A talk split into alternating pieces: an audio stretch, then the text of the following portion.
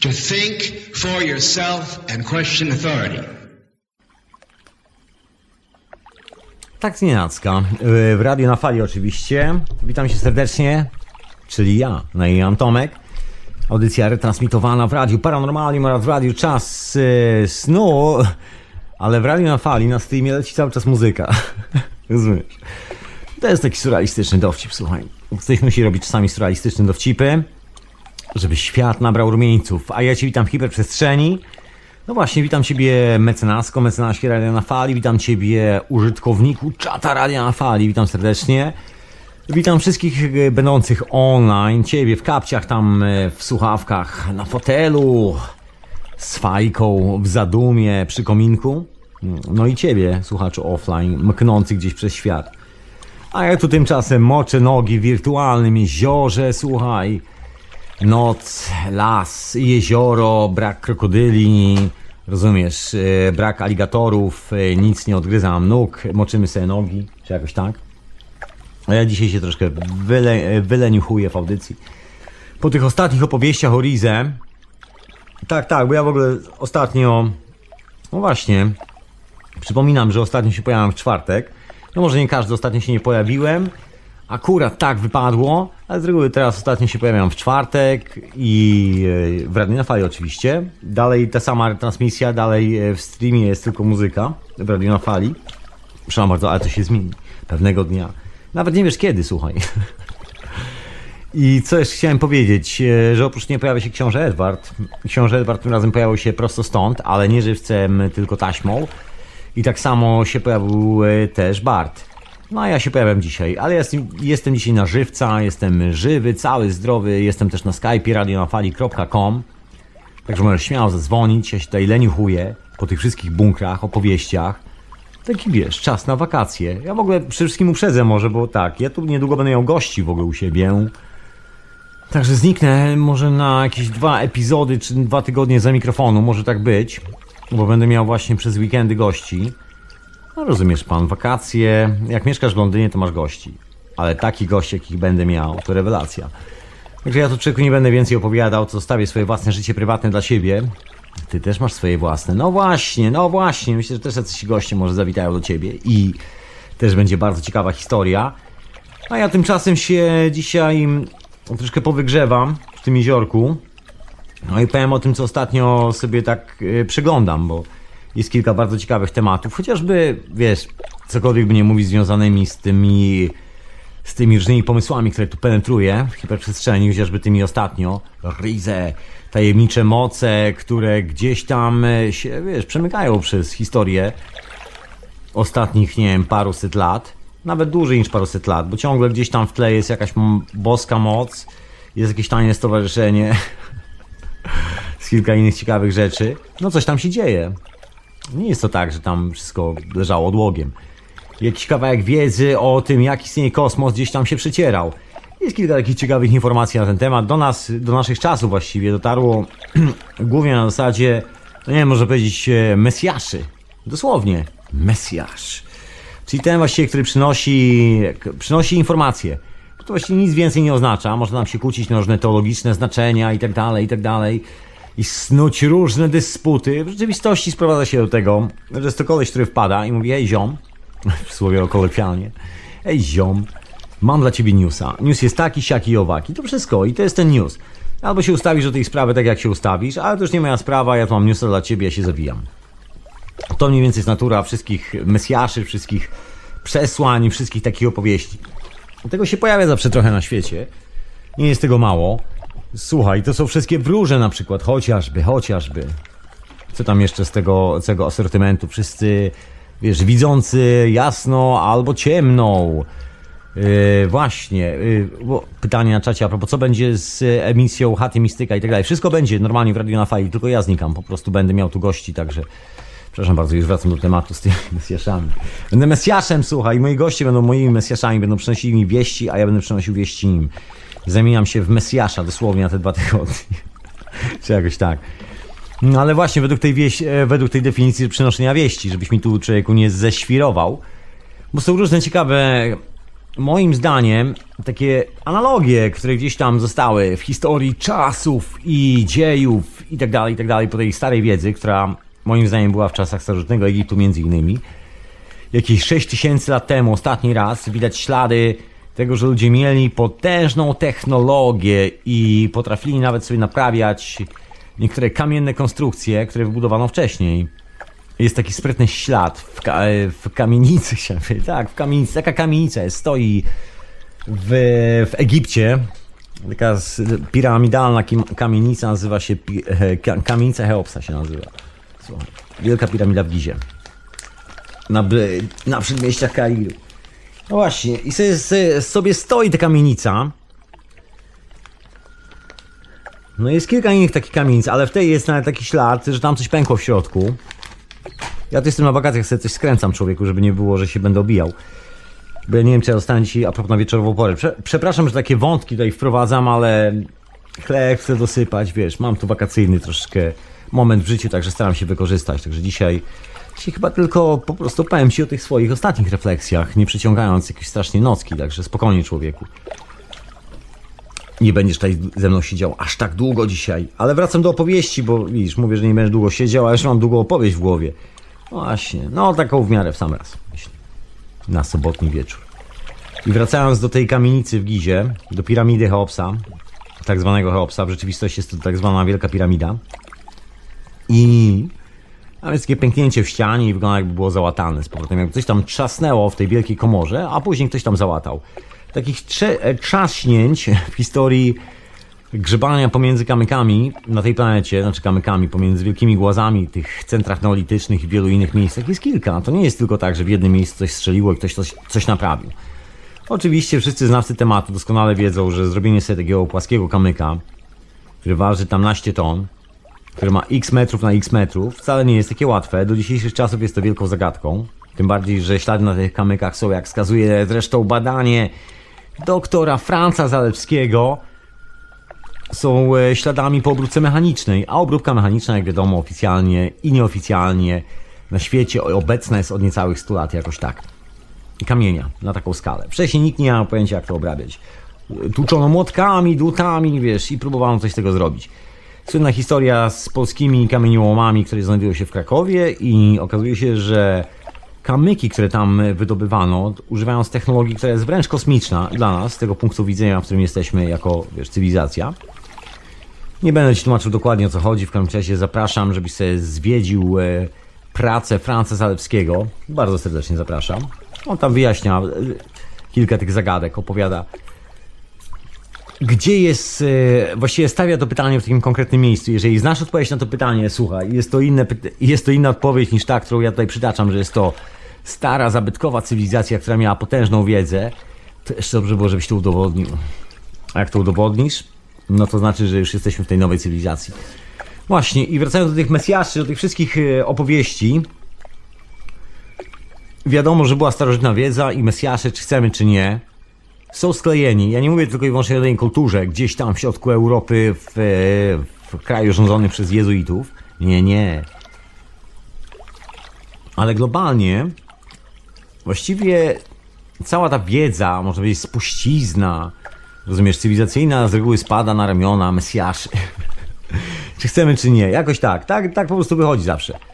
Można nazwać Nikolę Tesla Mesjaszem. Gdyby Nikola Tesla się urodził przypuśćmy jakieś 2000 lat temu wynalazł ten prąd troszkę wcześniej i na przykład używał języka, nie wiem, perskiego albo jakoś tak i zapisywał to jakimiś e, poetyckimi metaforami.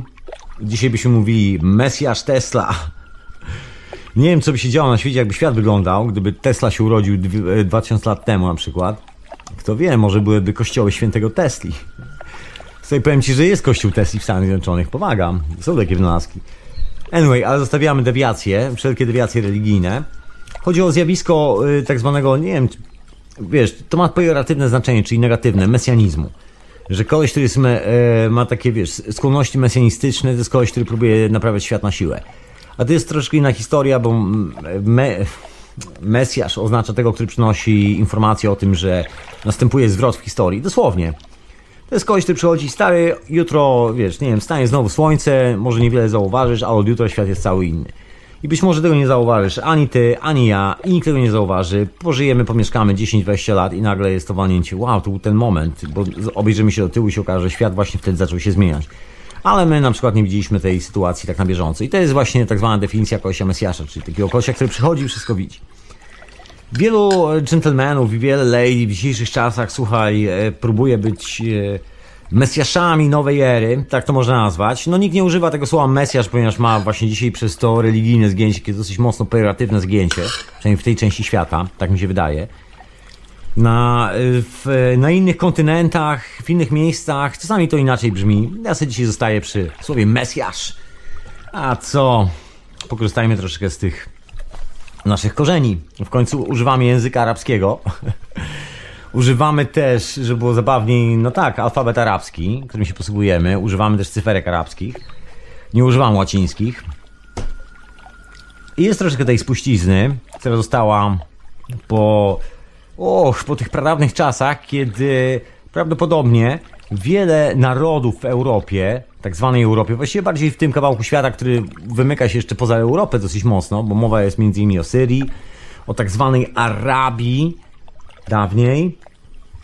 Właśnie w tych miejscach mieszkało dużo, w ogóle przez te miejsca przewijało się dużo ludzi. Widzimy to w resztkach naszego zapisu kodu DNA, tej słynnej haplogrupie, RA1 zdaje się, czy, czy jakoś tak. Proszę sobie spra- sprawdzić, wygooglać. Jak będę miał przerwę na muzyczkę, to sobie być może sprawdzę. Ale mniejsza o to, można sobie sprawdzić, ja nigdy nie mam głowy do takich detali. Mniejsza o duperele dosłownie. Anyway. Ta informacja gdzieś musiała być. Także ja się e, pozwolę, że tak powiem, wrócić do takiego języka, który gdzieś tam został jeszcze w owych krajach arabskich, można powiedzieć, nie tylko w tamtej części kultury na świecie. Że właściwie do dzisiaj e, ludzi niosących nową informację nazywa się mesjaszami. No i w naszych czasach dalej się, dalej się robi, wykonuje takie zajęcie. My oczywiście nie nazywamy tego dosłownie w ten sposób, że mesjasz albo mesjaszka. U nas to jest bardziej wróż, wróżka, wpadliśmy w troszkę inny obieg kulturowy. Wyskoczyliśmy spod, że tak powiem, e, opiekuńczych ramion naszych przodków, wpadliśmy w ramiona popkultury z Hollywood i Watykanu i to jest wróżenie, czarnoksiężnicy i tak dalej. Ja powiem Ci szczerze, też jestem akurat miłośnikiem tego, ale z akurat innej strony, bardziej od strony takich bajek o alchemikach, czarownikach i tak dalej, i tak dalej. No ale to w sumie jest to takie katolickie troszkę zdewocenie.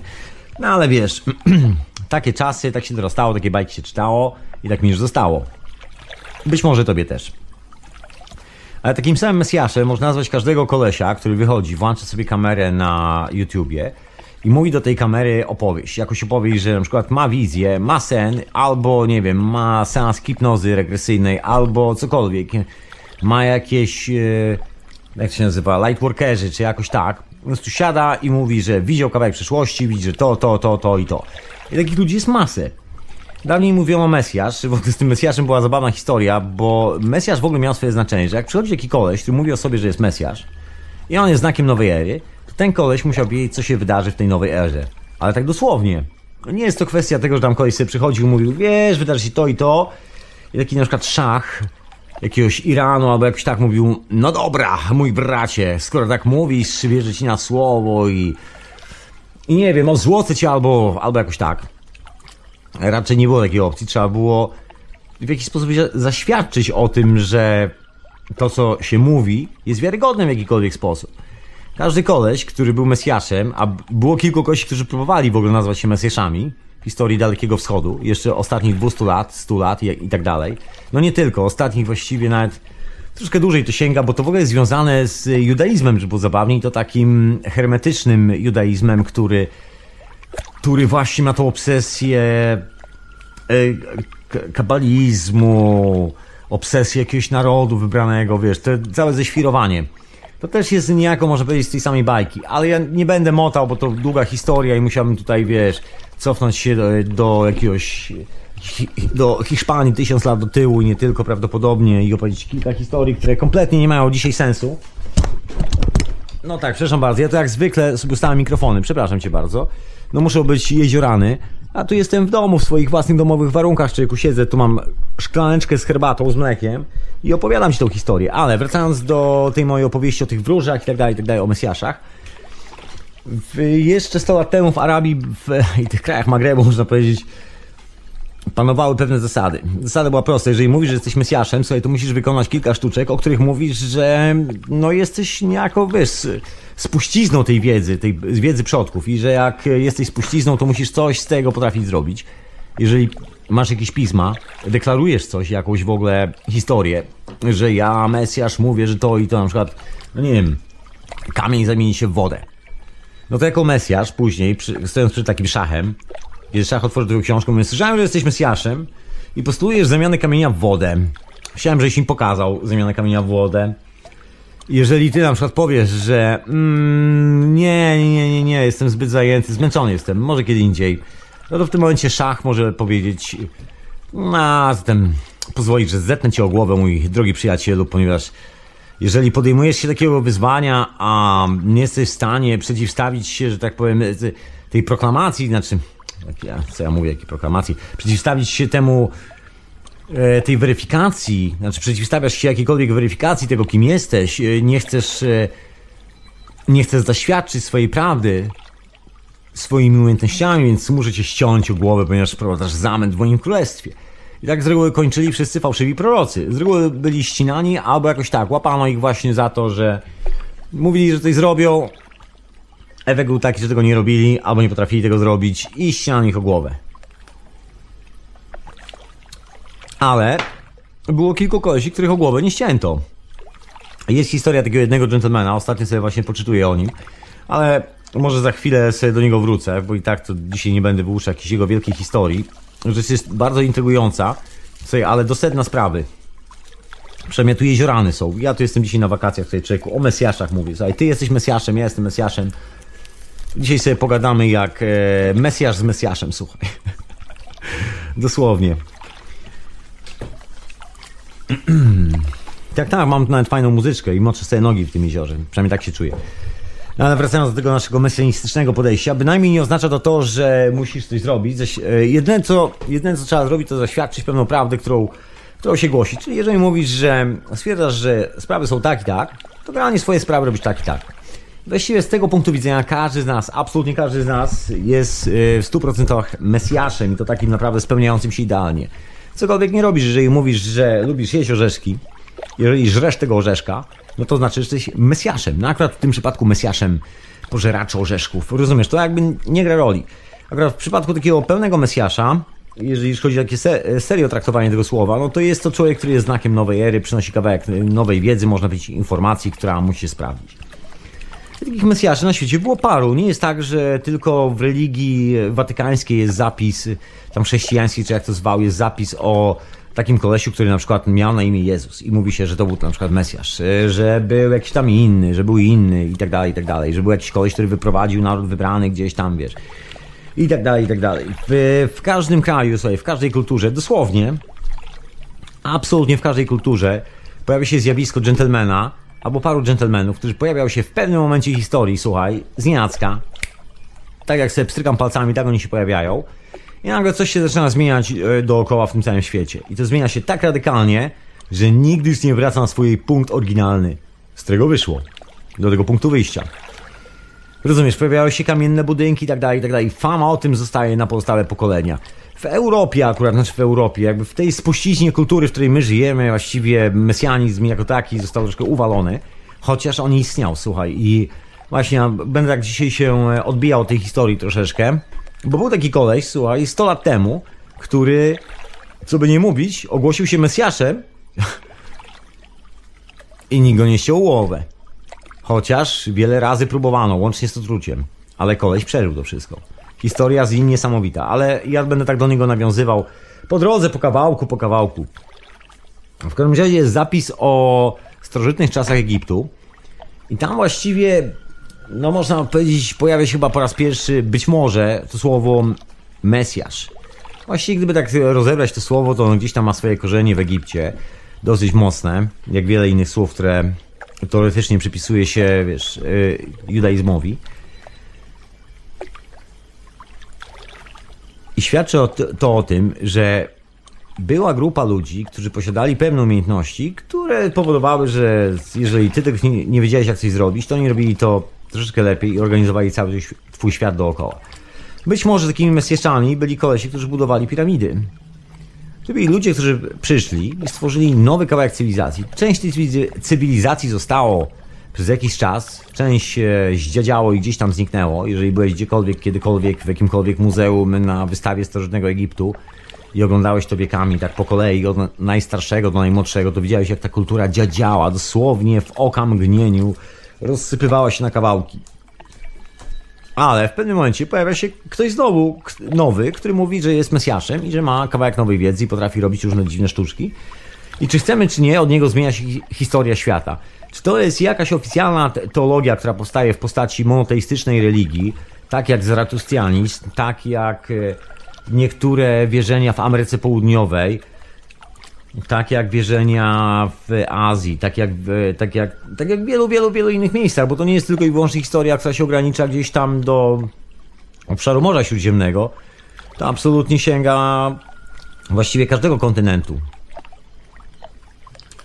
Bóg, boją Loktikul i tak dalej, i tak dalej. Wszystkie te przecież krwawe historie Ameryki Południowej. Przecież tam ta mitologia jest potężna i ta mitologia cały czas ewoluowała.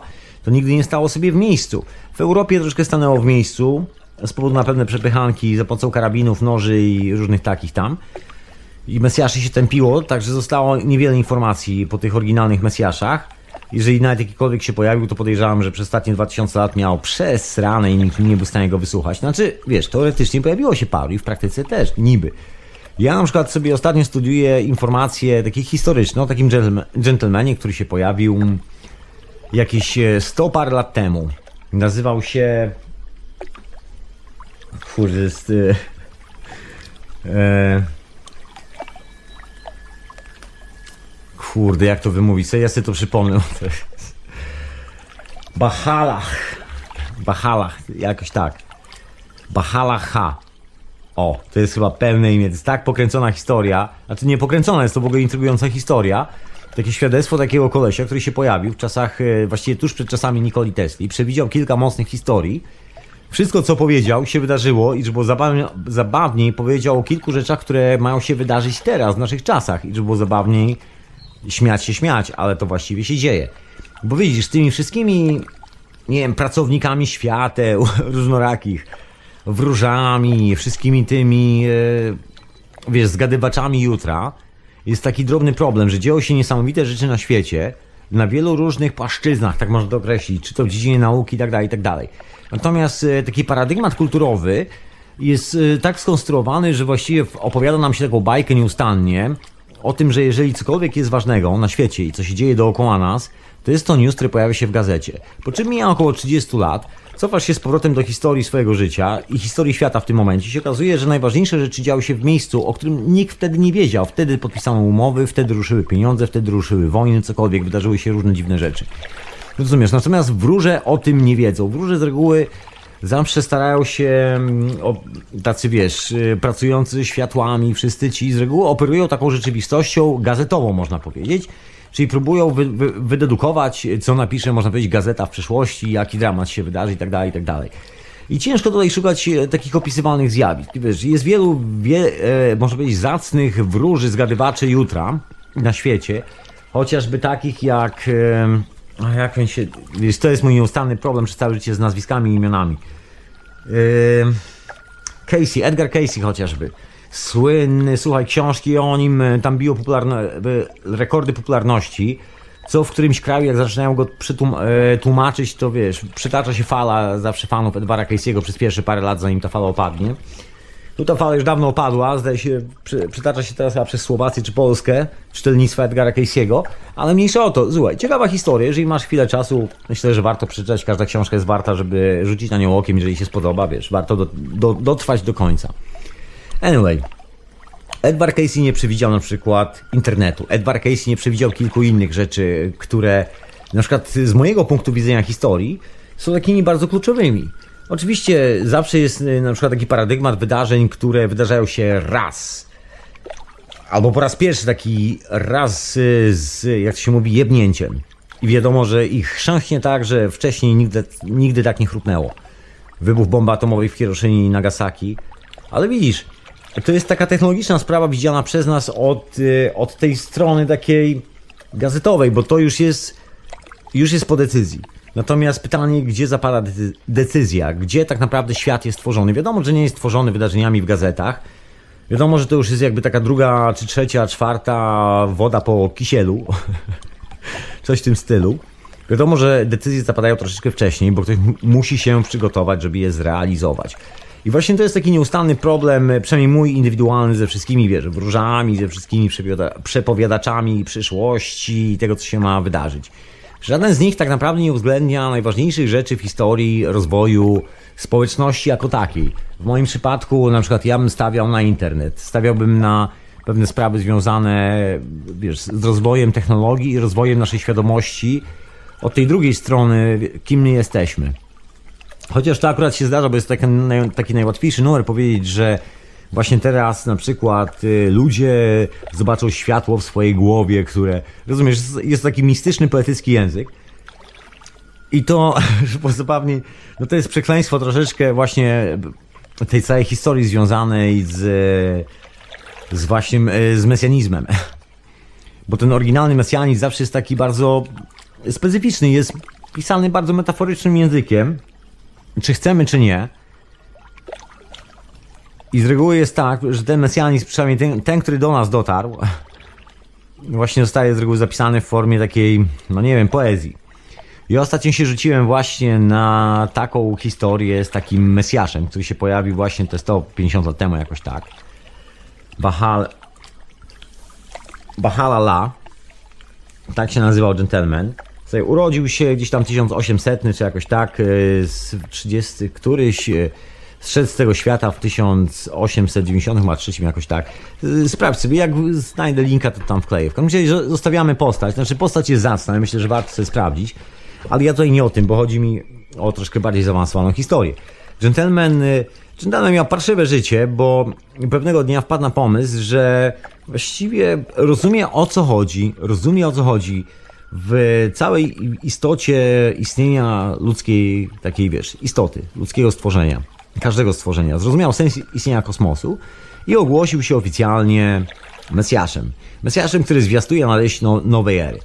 Że bo zabawnie koleś miał sobie coś takiego, że zamiast odstraszać ludzi tym, że zwariował, bo nazwał się Mesjaszem, wręcz odwrotnie. Miał kilka takich ciekawych zdolności, jak leczenie ludzi, powodował, że wszyscy doskonale się czuli w jego okolicy i tak dalej, i tak dalej. Koleś e, był dosłownie lepem, a właściwie na takie sytuacje.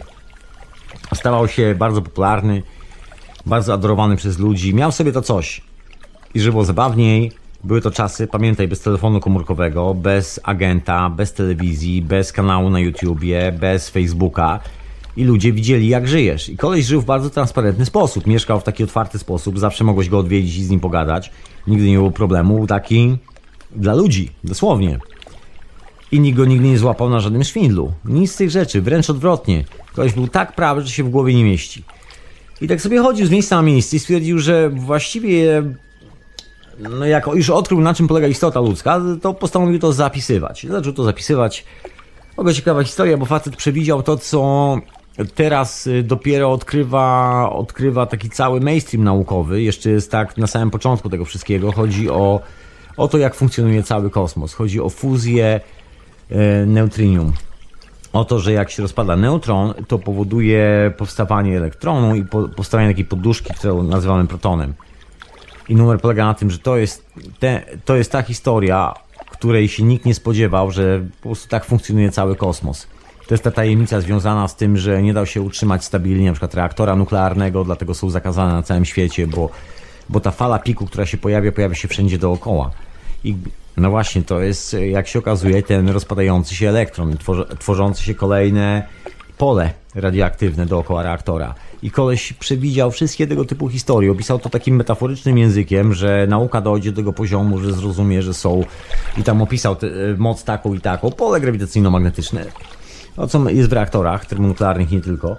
W każdym reaktorze, który działa na promieniowanie łącznie z naszym sercem. I Koś to wszystko przewidział. Przewidział w ogóle historię związaną z ONZ-em, przewidział śmierć Napoleona III, przewidział to, co się wydarzy z rodziną Romanowów, chociaż zmarł tam chyba 30 lat wcześniej. Przewidział praktycznie losy całej Europy łącznie z tymi wojnami światowymi, ale w bardzo ciekawy sposób to przewidywał. W ogóle miał swój koncept, bo ogłosił się, tak jak Ci mówiłem, Mesjaszem. I stwierdził, że jest y, człowiekiem, który przychodzi a jako znak nowej ery, że on się nie liczy, on tu będzie jadł y, sobie biały ser, popijał sobie jakoś, jakimś kawałkiem wody. Jego zadaniem jest tylko przekazać Ci informację o tym, jak skonstruowany jest ten kosmos, ten uniwers, że wszystko podlega temu samemu prawu. My to nazywamy teraz rozpadem y, neutrona. Dokładnie. I do tego się to wszystko kończy. Znaczy, i tu się właściwie wszystko zaczyna, albo na niektórych wszystko kończy. W każdym razie to jest właśnie ta wyrywa w nauce, o której dzisiaj wiemy. Koleś wiedział to jakieś 150 lat temu i wiedział to tej strony takiej, jak funkcjonuje ludzki organizm, można powiedzieć, bo słuchaj, leczył rękami, czyli wiedział w jaki sposób ustawić, nie wiem, ludzki organizm w takiej sytuacji, że zachowuje się jak taki reaktor. No, co tu dużo mówić. Widzimy to czasami na różnych materiałach na YouTubie, gdzie mistrzowie chi, jeżeli nie wierzysz, to sobie sprawdź. Jest taka, jest taka historia w Azji, która się nazywa chi. To jest, e, nie jest to żadna religia, nie jest to żadna teologia. Ludzie w Azji twierdzą, że jest energia, energia życia. Energia życia nazywa się chi. I my tak naprawdę uczymy się operować tą energią życia. I mistrzowie chi operują tą energią w dowolny sposób i robią niesamowite historie, robią czasami niesamowite pokazy, masz to na internecie. Ludzie po prostu rękami krzesają dosłownie ogień.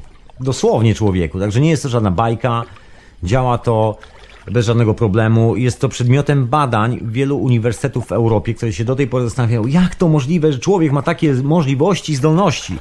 Rozumiesz? I ten koleś, o którym mówię, Bahalala, miał dokładnie takie zdolności i gromadził dookoła się tłumy, dosłownie tłumy. Słuchaj, ludzie przychodzili i ludzie po prostu proponowali umieszkaniu się w domu.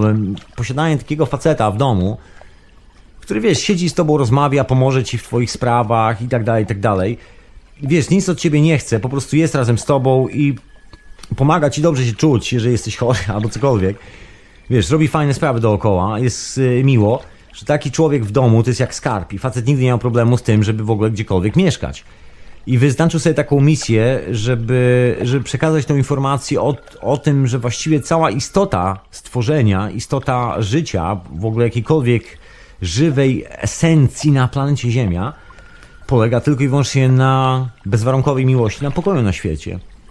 Gentleman był nieprzeciętnie wykształcony, nie był to byle kto, znał nie wiem ile języków, ale biegle pisał praktycznie we wszystkich europejskich językach i postanowił, że od tego momentu jego życie na tej planecie służy niczemu innemu, jak budowaniu pokoju, ponieważ był przerażony tym, co obserwował na Bliskim Wschodzie wtedy. Mówimy o 1830-850 roku, bo my tak naprawdę niewiele wiemy o Bliskim Wschodzie, poza tym, że używamy alfabetu arabskiego, używamy liczb arabskich i twierdzimy, że wszystko, co pochodzi z Arabii, to terroryści. To abstrakt zupełny. No ale mniejsza o to. Jeszcze 100-200 lat temu były to kraje mlekiem miodem płynące. Tak jest prawda, bo nie było tam zbytniego wyzysku, który był związany z kolonializmem. Jeszcze się nie pojawiły kopalnie ropy naftowej, one dopiero później przyszły, chociaż już, już e, czasy kolonialne swoje piętno odcisnęły i przede wszystkim wprowadzono granice. Dlaczego wprowadzono granice? Granica jest dosyć prostym rozwiązaniem ekonomicznym, ponieważ Watykan sobie wymyślił, że następuje podział. Podział po prostu łupów jest ta część z Rosją, czyli ten kościół prawosławny, też, wiesz, Jezus, jeden Mesjasz, bo to ciągle o Mesjaszy się rozbija, wiesz. Jest jeden Mesjasz, jak go podzielić na dwie religie, słuchaj, każdy chce mieć do niego prawo. Bo prawo autorskie do Mesjasza oznacza granicę kraju, w którym wyznacza się religię, a granica kraju oznacza cło za przekroczenie tej granicy kraju, najzwyczajniej w świecie. Także trzeba było podzielić świat i najlepiej jeszcze podzielić całą Arabię na, y, na, na osobne kraje, dać im może jakąś religię, wymyślić, albo jakieś kulty po drodze, tak żeby każdy kraj był troszeczkę inny, bo wiadomo, że i tak ten, kto kontroluje całość, w tym momencie na każdej, że tak powiem, drodze kasuje swoje cło. A ta droga idzie przez wszystkie kraje arabskie, także można sobie zebrać dziesięciokrotny podatek od jednego produktu. I dzięki temu można sobie doskonale żyć. I tak oto zaczęto dzielić te kraje arabskie. Nigdy nie miało to nic wspólnego z e, jakimkolwiek uwarunkowaniem geograficznym, językowym. To w ogóle abstrakt taki. Jest kilka języków, którymi się tam ludzie posługują i to wszystko. Natomiast jako takiego podzielenia, że to jest Irak, Iran, Syria i tak dalej, właściwie 100-150 lat temu nigdy nie było. Byli tylko wyznawcy konkretnych wiar, można powiedzieć, wyznawcy na przykład judaizmu, wyznawcy Koranu, wyznawcy, och, właściwie wszelkich możliwych odmian różnych teologii, łącznie z hinduizmem. Poważnie. To wcale nie było takie mono, jak nam się mówi, że to było takie mono i każda kobieta była ścina natychmiast, kiedy tylko odsłoniła kawałek włosów spod chusty, rozumiesz? To tak nie do końca. Pamiętaj, że tam była potężna cywilizacja, tam przetrwała matematyka. Gdyby nie, gdyby nie tamte kraje, to nie byłoby żadnej matematyki w Europie. I w tamtym, kraju, w tamtym czasie postanowiono dokonać takiego konkretnego rozdziału i podziału pomiędzy Anglię, Niemcy, Francję, Rosję, tych wszystkich dóbr, a Watykan był taką łapą, która właściwie kontrolowała to wszystko bankierską, bo wtedy jeszcze istniał Watykan. Watykan się kończy w 1830 tam którymś roku, się pojawia Wielkie Imperium Brytyjskie i nie tylko, i zamykają tą imprezkę we Włoszech. Tam jest też rewolucja i tak dalej, ale zostawiamy historię Watykanu. E, tak czy jak sprawdź w tym roku Watykan został zamknięty tak konkretnie, bo ja mogę, mogę się strzelić tutaj z datami, ale kiedyś może wrócę do tego Watykanu, to pospisuję sobie daty i opowiem Ci troszkę więcej na ten temat. Przynajmniej tego, co ja się dowiedziałem na ten temat. Ale wracając do tej historii Arabii, no krwawe miejsce, bo nagle wiesz, wszystkie te kolonialne kraje, armia, Francja, Rosja, Niemcy wysyłają tam swoich żołdaków. Sobie Anglicy wysyłali do Arabii najbardziej brutalny pułk strzelców i takich rzeźników. To byli ludzie dosłownie wyjęci spod prawa i oni nam wysyłali właśnie taki pułk szwależerów, żeby tam budować linie kolejowe na przykład do odbioru ropy, między innymi. Wyobraź sobie. Takie historie. W ogóle wiesz, wszystkie cła zbierane po drodze, jak podzielisz na parę krajów, no to wiadomo, że ten, do kogo należy kraj, zbiera cło, a towar i tak musi przejechać, bo wtedy nie było jeszcze kanału sueskiego, takiego wiesz, kanał jedną stroną, a jeszcze druga historia, że lądem można przecież przetransportować. Ten, kto kontroluje transport, zasoby, wiesz, cała ta stara śpiewka o tym, że trzeba wszystko kontrolować. No i tak oto podzielono, podzielono całą Arabię na różne dziwne, egzotyczne kraje. Wymyślono różne, różne byli lokalni bonzowie, może byli szejkowie. Z części z nich zrobiono lokalnych takich kacyków, albo ich pozmieniano do jakoś tak. No efekt był taki, że właściwie pożoga, rozpacz i wojny. No tak jak teraz, dosłownie. Nic się nie zmieniło. Odkąd weszli tam Anglicy, a właściwie weszli tam prawie 200 lat temu, razem z całą resztą świata, nie chcą wyjść. Nam się opowiada, że to były takie wolne kraje kiedyś, że to terroryści tam powstali i tak dalej. Bullshit. Najlepszy numer jest na przykład z Iranem. Iran, jak na ironię, jedynym momentem, yy, kiedy, przepraszam, Irak, Irak, bo mowa jest o Iraku, no Iran też. Iran do tej pory jest wolnym krajem, jak na ironię i Iran, e, a sorry, Irak, tam gdzie teraz są Amerykanie, Irak miał e, w swojej historii, jako w ogóle kraju, takiej społeczności istnienia, w ciągu ostatnich 300 lat tylko bardzo krótki epizod, kiedy był wolnym krajem. I to był e, czas, kiedy Saddam Hussein był szefem tego kraju. To był jedyny moment, kiedy był nieokupowany przez Brytyjczyków albo całą resztę ludzi. Także tam to wygląda troszeczkę inaczej. Nam się nam się po prostu o tym nie mówi, takie zabory, tak jak w Polsce, wszystko pod zaborami nie ustanie. Podzielone pomiędzy trzy wielkie mocarstwa i wiesz, i kłóć się z nimi, nie? A jak oni, oni sobie robią wojnę między sobą, to ty musisz walczyć w tej wojnie i tak dalej, i tak dalej. Przejeżdżają się po tobie, wiesz, wszystkie te drastyczne historie. No i podczas podziałów tego kraju trzeba było spacyfikować, spolaryzować e, wszystkich tych ludzi, którzy tam mieszkali, więc wymyślano te wszystkie kulty. Przecież szyici byli dozbrajani przez armię brytyjską i tak dalej cały Izrael powstał na pieniądzach rodziny Rothschildów i do takich uzbrojenia, dosłownie z handlu bronią. Także ciężkie historie, naprawdę mrożące krew w żyłach. Właśnie ustanawianie porządków na Bliskim Wschodzie, bo pojawiły się dobre biznesy z ropą i w tym momencie na świecie, na tym Bliskim Wschodzie pojawia się Mesjasz.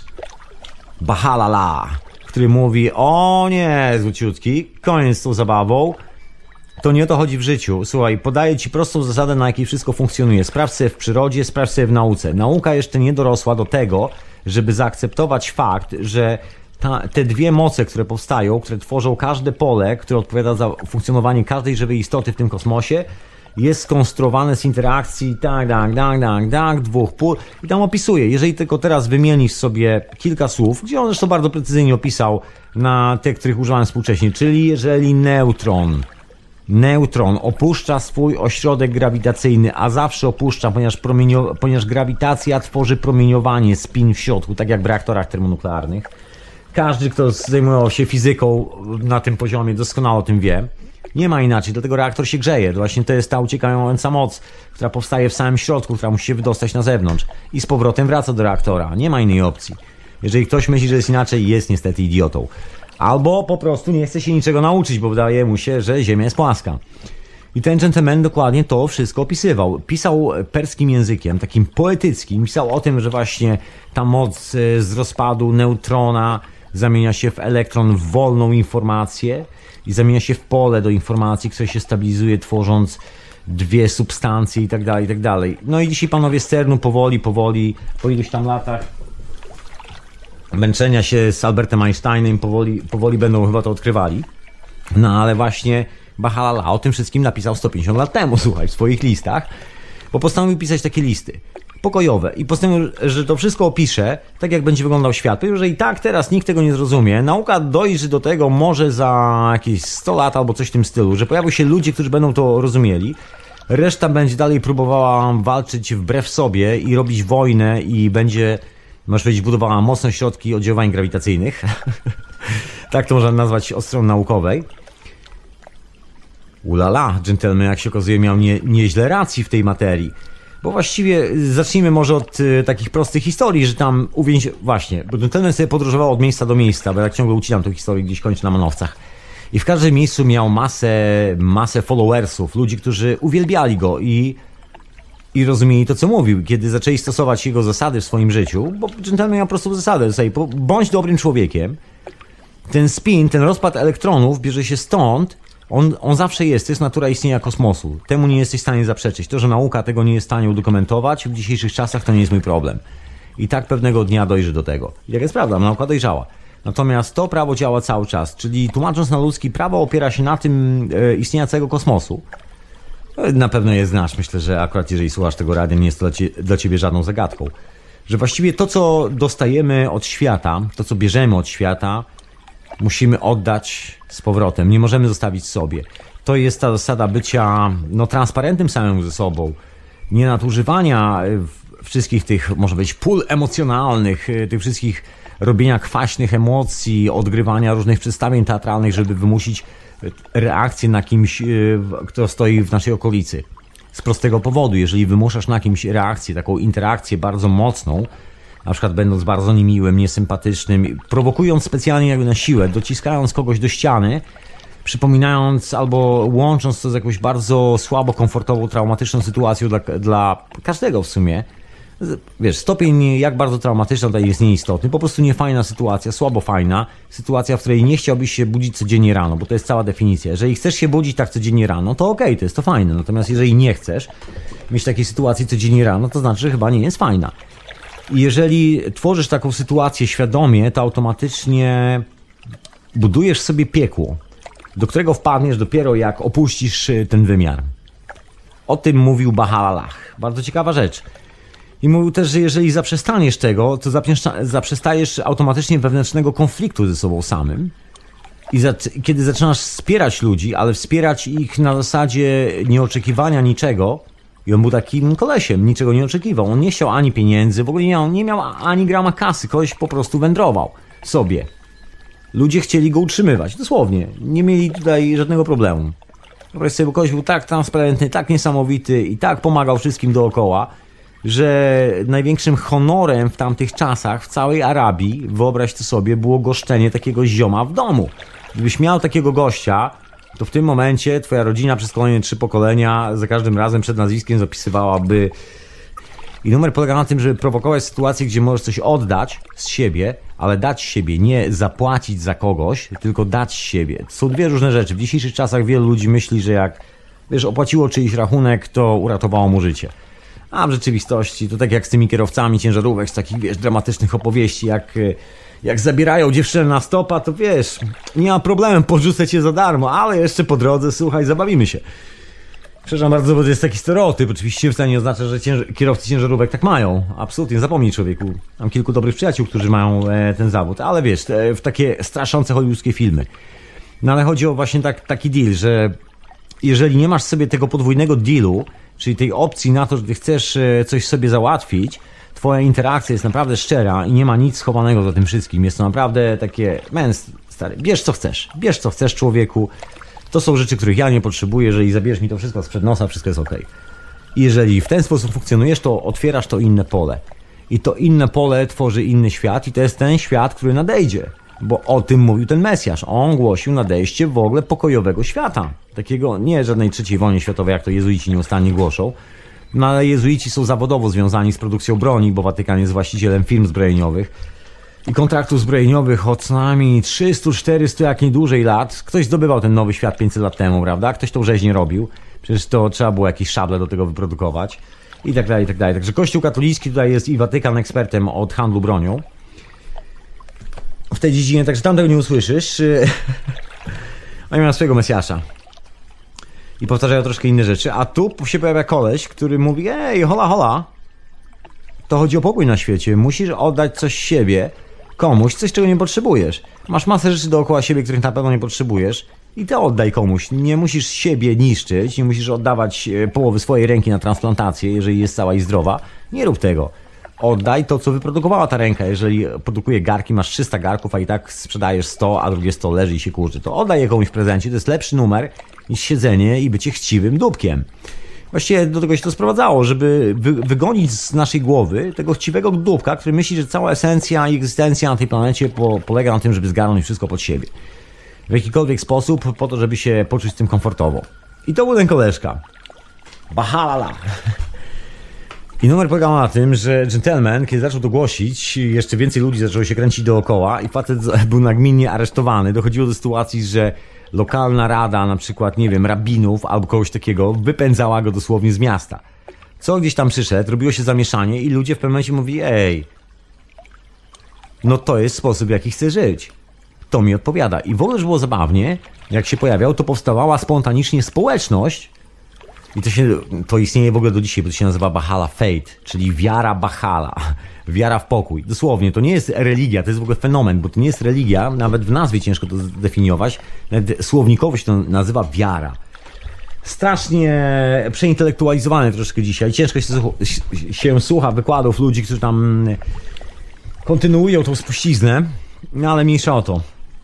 Historia w ogóle oryginalna dżentelmena jest intrygująca. Dżentelmena, który głosił się Mesjaszem bo on wchodził do miasta, widał się z radą, która rządziła miastem i mówił, że słuchajcie, uważam siebie za Mesjasza nowej ery. Jestem facetem, który przyszedł powiedzieć, jak działa świat i jak e, wykorzystać tą zasadę do budowania pokoju na świecie. Nikt z nas nie musi się zabijać. Mamy tyle zasobów i wszystkiego na świecie, że naprawdę jest ok. Słuchajcie, zróbmy to.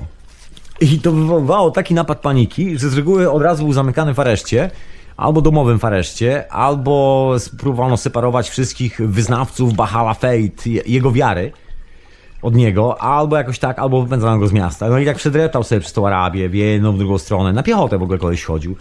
No, wybierał się na długie spacery, trochę jak oborygeni, takim dream, ta dream time. Wychodził i zanim wrócił, minęło parę godzin i już wracał w innym mieście. I zaczynał całą tą historię, bo co zaczął tą historię, to go wyganiano a to był w Konstantynopolu, gdzie budował pokój na świecie. Poważnie. Bo zapomniałem dodać, że jako dżentelmen był wykształcony, o czym wspomniałem i znał parę języków. Zaczął pisać listy z tymi manifestami do wszystkich możnych koronowanych głów świata. Poważnie. Do Franciszków Józefów, właściwie potomków, do Napoleona III, do cara Rosji, do królowej angielskiej i tak dalej, i tak dalej. I żeby było zabawnie, jego listy, słuchaj, nie były ignorowane i nie były wyrzucane do śmieci. Facet był traktowany tak serio, że się w głowie nie mieści. Został uwięziony w mieście, finalnie kiedy dotarł do miasta Akka, tak skaczę, ale tak szybko opowiem Ci całą tą historię. Możesz sobie przetłumaczyć, jest na Wikipedii cała rzecz, tylko tak wiesz.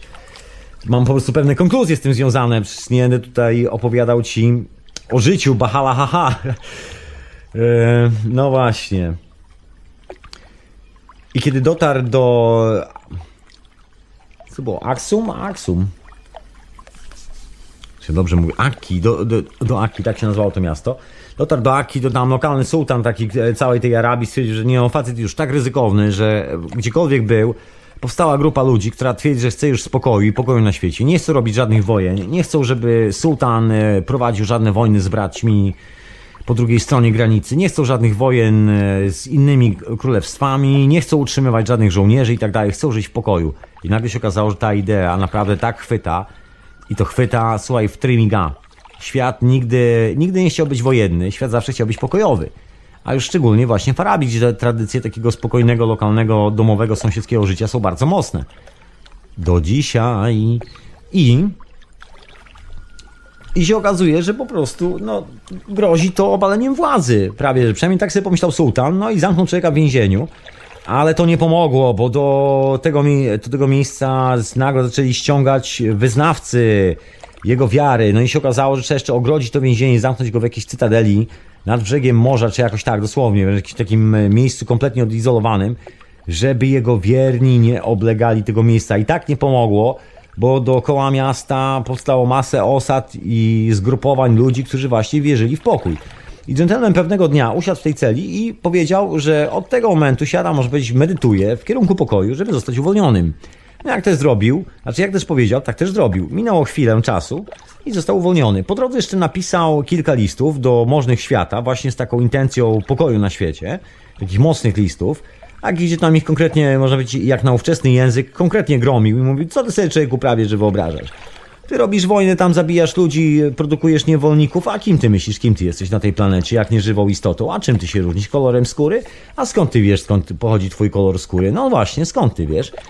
No prawie, że takie listy pisał, no ale konkretne listy, bo tam pisał, słuchaj, że jeżeli tutaj mój ty królewiczu drogi, słuchaj, zrobisz taki numer, że pójdziesz na wojnę, to w tym momencie, w twoim pokoleniu pojawi się zawiść i tak dalej, i tak dalej, która wykona taki numer, że za parę lat wydarzy się to i to, a ty właściwie dwa lata po tym wydarzeniu zejdziesz z tego świata. I żyło zabawniej, napisał kilku ludziom w taki sposób, no i tak właśnie się zaczęło działać. Cokolwiek Bahala Lani napisał o tym, że się wydarzy, jakie będą następstwa kolejnej wojny, kolejnego konfliktu, dokładnie się to wszystko działo. I zaczął mieć jeszcze większy posłuch umożnych tego świata. Nawet królowa Wiktoria czytała jego listy i próbowała tam jakoś się ustawiać. E, Kaiser, który przejeżdżał przez Arabię, o mało się z nim nie spotkał, ale tak nie chciał się spotkać, bo nie chciał się z sułtanem tam, że, że tak powiem, poróżnić czy jakoś tak, ale tam jakaś korespondencja między nimi nawet zaistniała. Takie historie się działy i był taki gentleman. Aha, i oczywiście powiedział, że ten sułtan pierw umrze, a później po jego śmierci i tak zostanie uwolniony. Sułtan nie dożyje, e, że, że i tak on, jako Mesjasz, jest skazany na to, przeżyje e, tego niegodnego sułtana, który się sprzeniewierza samemu sobie. I tak też się wydarzyło. Zmarł w starości gdzieś tam w okolicy tej miejscowości, w fajnych ogrodach, otoczony dookoła masą ilością ludzi, przyjaciół i, e, i wysyłając te właśnie manifesty pokojowe. I że było zabawniej, gentleman doprowadził do kilku takich momentów w historii Bliskiego Wschodu, że powstał pokój, że nie było wojen, czyli numer się udał. I ktoś cały czas głosił, że jest Mesjaszem nowej ery. Oprócz tego w pewnym momencie siadł i stwierdził, jakby zostało to wszystko, pod koniec swojego życia, postanowił napisać szereg listów, o tym, e, o tym, czego jest właściwie Mesjaszem, można powiedzieć, opisać tą przyszłość, czyli wreszcie ruszył do roboty. A po drodze miał jeszcze taki epizod, że e, oczywiście człowiek, który go uwięził w więzieniu, zażądał od niego dowodu na to, że jest Mesjaszem. I wybrał z jego pracy jakąś taką, sztu, jakąś taką, można powiedzieć, sztuczkę, żeby on po prostu tą sztuczkę zamanifestował. Na co gentleman mu odpisał, że nie ma problemu, ale zrobi to tylko raz, ponieważ no nie jest, nie jest, jego przyjście na ten świat nie jest po to, żeby zajmować się rozrywką dla tego gentlemana. Gentleman się prawie że obraził, ale wybrał sztuczkę. Sztuczka została z tego co fama niesie zrobiona, zrealizowana i byli na to świadkowie, którzy potwierdzili, że to co zażądali to się wydarzyło Następnie przyrzeczenie, czyli obietnica, że zostanie uwolniony z więzienia, została złamana jakoś tak. Także ciężkie życie miał gentleman. Co rusz, jak tylko zaczynał mówić o pokoju i nie chciał brać za to żadnej kasy, dostawał kopniaka od lokalnych władców albo od y, kolekcjonerów pieniążków. Tak to wygląda. Koniec końców i tak wyszedł na swoje i stworzył y, coś, co się nazywa Bahala Fate. I to był taki ostatni, można powiedzieć, oficjalnie manifestujący się Mesjasz.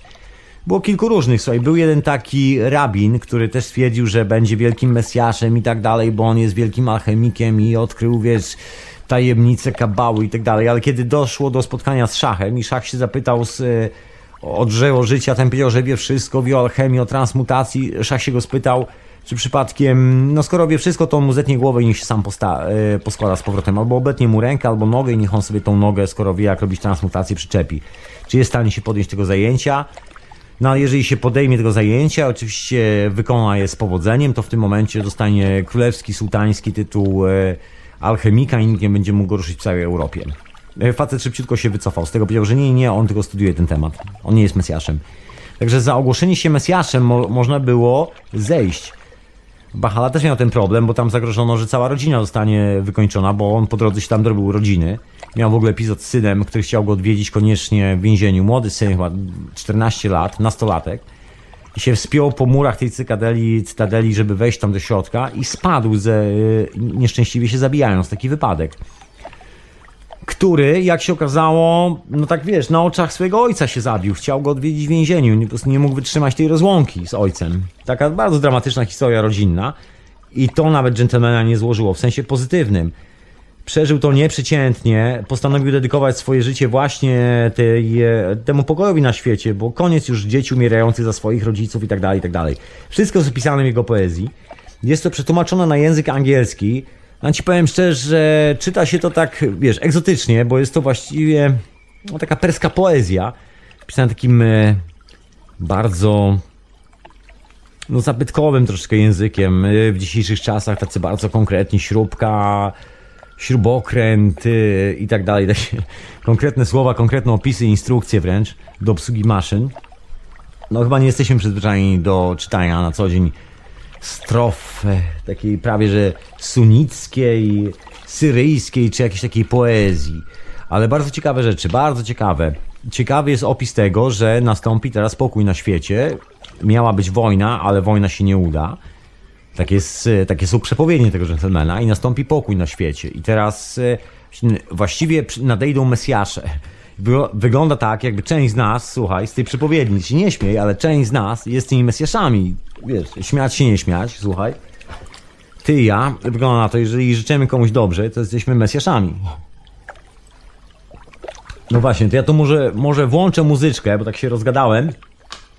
No właśnie, i przez przypadek opowiedziałem tą historię w takim wielkim skrócie. Bahala. Bahala. Uff. Niesamowicie się to wymienia. Brzmi to tak bardzo śpiewnie, że aż bahala i la la la la la i tak la la la. Na jego cześć jego syn wybudował, bo w ogóle ludzi dookoła, którzy chcieli to wesprzeć, a on nie przyjmował żadnej kasy. On mówił, żeby budowali centra dla innych ludzi, w których inni ludzie mogą nie wiem, zamieszkać, poczuć się bezpiecznie, żeby tworzyć lokalną społeczność, która dba o siebie. Facet nie kasował żadnej kasy za nic, nie miał żadnej chaty, żadnego pierścionka, żadnego mieszkania, nic nie miał. Miał y, coś do pisania, miał, a, miał swój dywan ulubiony, dywanik, lubił sobie usiąść na dywaniku, ale to trochę jak mieć ulubiony kocyk. Ja też mam swój ulubiony kocyk, człowieku, który lubię wywalić sobie do ogrodu, jak jest ładny dzień. Dawno tego nie robiłem swoją drogą. chyba powinienem, bo wygląda na to, że między nami Mesjaszami, słuchaj, ja też mam jakiś dywanik. Może ty też masz jakiś kocyk? No, myślę, że oczywiście, że tak. No właśnie. Także widzisz, e, niedługo, jak jeszcze zrozumiemy zasady obsługiwania, wiesz, e, tych tajemniczych, niewidzialnych mocy, których tak szukali naziści i każdy reżim na świecie, i każdy naukowiec, który odkrył coś więcej, właśnie, to może troszkę będziemy tacy magiczni jak Bahala. Kto wie? Właśnie, bo on co robił? On siedział sobie i spisywał sobie na starość te wszystkie przepowiednie, co się wydarzy w przyszłości. I tam jest mowa o tym, że wszystkie organizacje takie jak ONZ będą no właśnie, ale nie dywanik do modłów, to proszę odsadzić sobie, bo dywanik do modłów to jest europejskie wyobrażenie. Po prostu ludzie tam mają dywanik, żeby sobie usiąść. Jak się jedziesz przez pustynię, to masz dywanik, przez kocyk. Polsce się bierze kocyk i karimatę na wyprawę. Tam życie takie w stylu nomada jest normalne. Siedzi się na podłodze i normalne jest to, że masz kawałek dywanu. Trudno, żebyś tego nie miał. W Polsce ma się krzesło, w Anglii też. Także proszę nie przesadzać z tym dywanikiem do, mo do modlitwy, bo to tak jak powiedzieć krzesło do modlitwy w Europie, bo wszyscy siedzą w ławkach przecież w kościele. No nie? Jak jest kawałek ławki i ławy w domu, no to chyba kościół, nie? Przed knajpą to też kościół, według tej definicji. Także proszę uważać z tym, e, z tym religijnym zgięciem, z, tym, e, z tymi dewocjonaliami w głowie. w każdym razie dokończą historię z ONZ. Gentleman y, wspominał swego czasu w tych swoich listach, że pokój zacznie się od zaakceptowania tego przez ONZ. Czy jakoś tak, przez Radę, taką oficjalną Radę Narodów. Nie, od, nie z tego powodu, że te narody są takie prawe i szczytne i wspaniałe, tylko że przyjdzie koniec, że system już nie będzie mógł wyrobić konkretnie finansowo i że, i że pojawi się coś, no i że pojawi się jedna rzecz, pojawi się technologia, właśnie, bo gentleman zapowiedział technologię. Pojawiła się technologia cache. Gentleman też wcześniej mówił o takich e, ludziach jak Nikola Tesla. Pojawili się.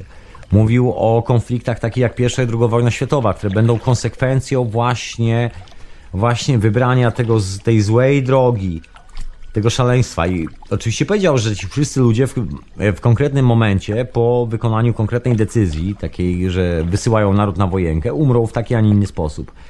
Że niektóre rody zostaną, ska skażą siebie na zagładę, jeżeli pójdą tą drogą.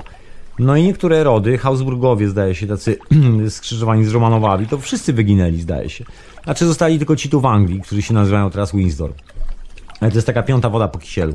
Natomiast ci wszyscy oryginalni dostali, dostali jak nie kulkę w głowę, to zamach, no właśnie, albo zmarli na suchoty, tudzież inne takie rzeczy. Nic tego nie ocalało.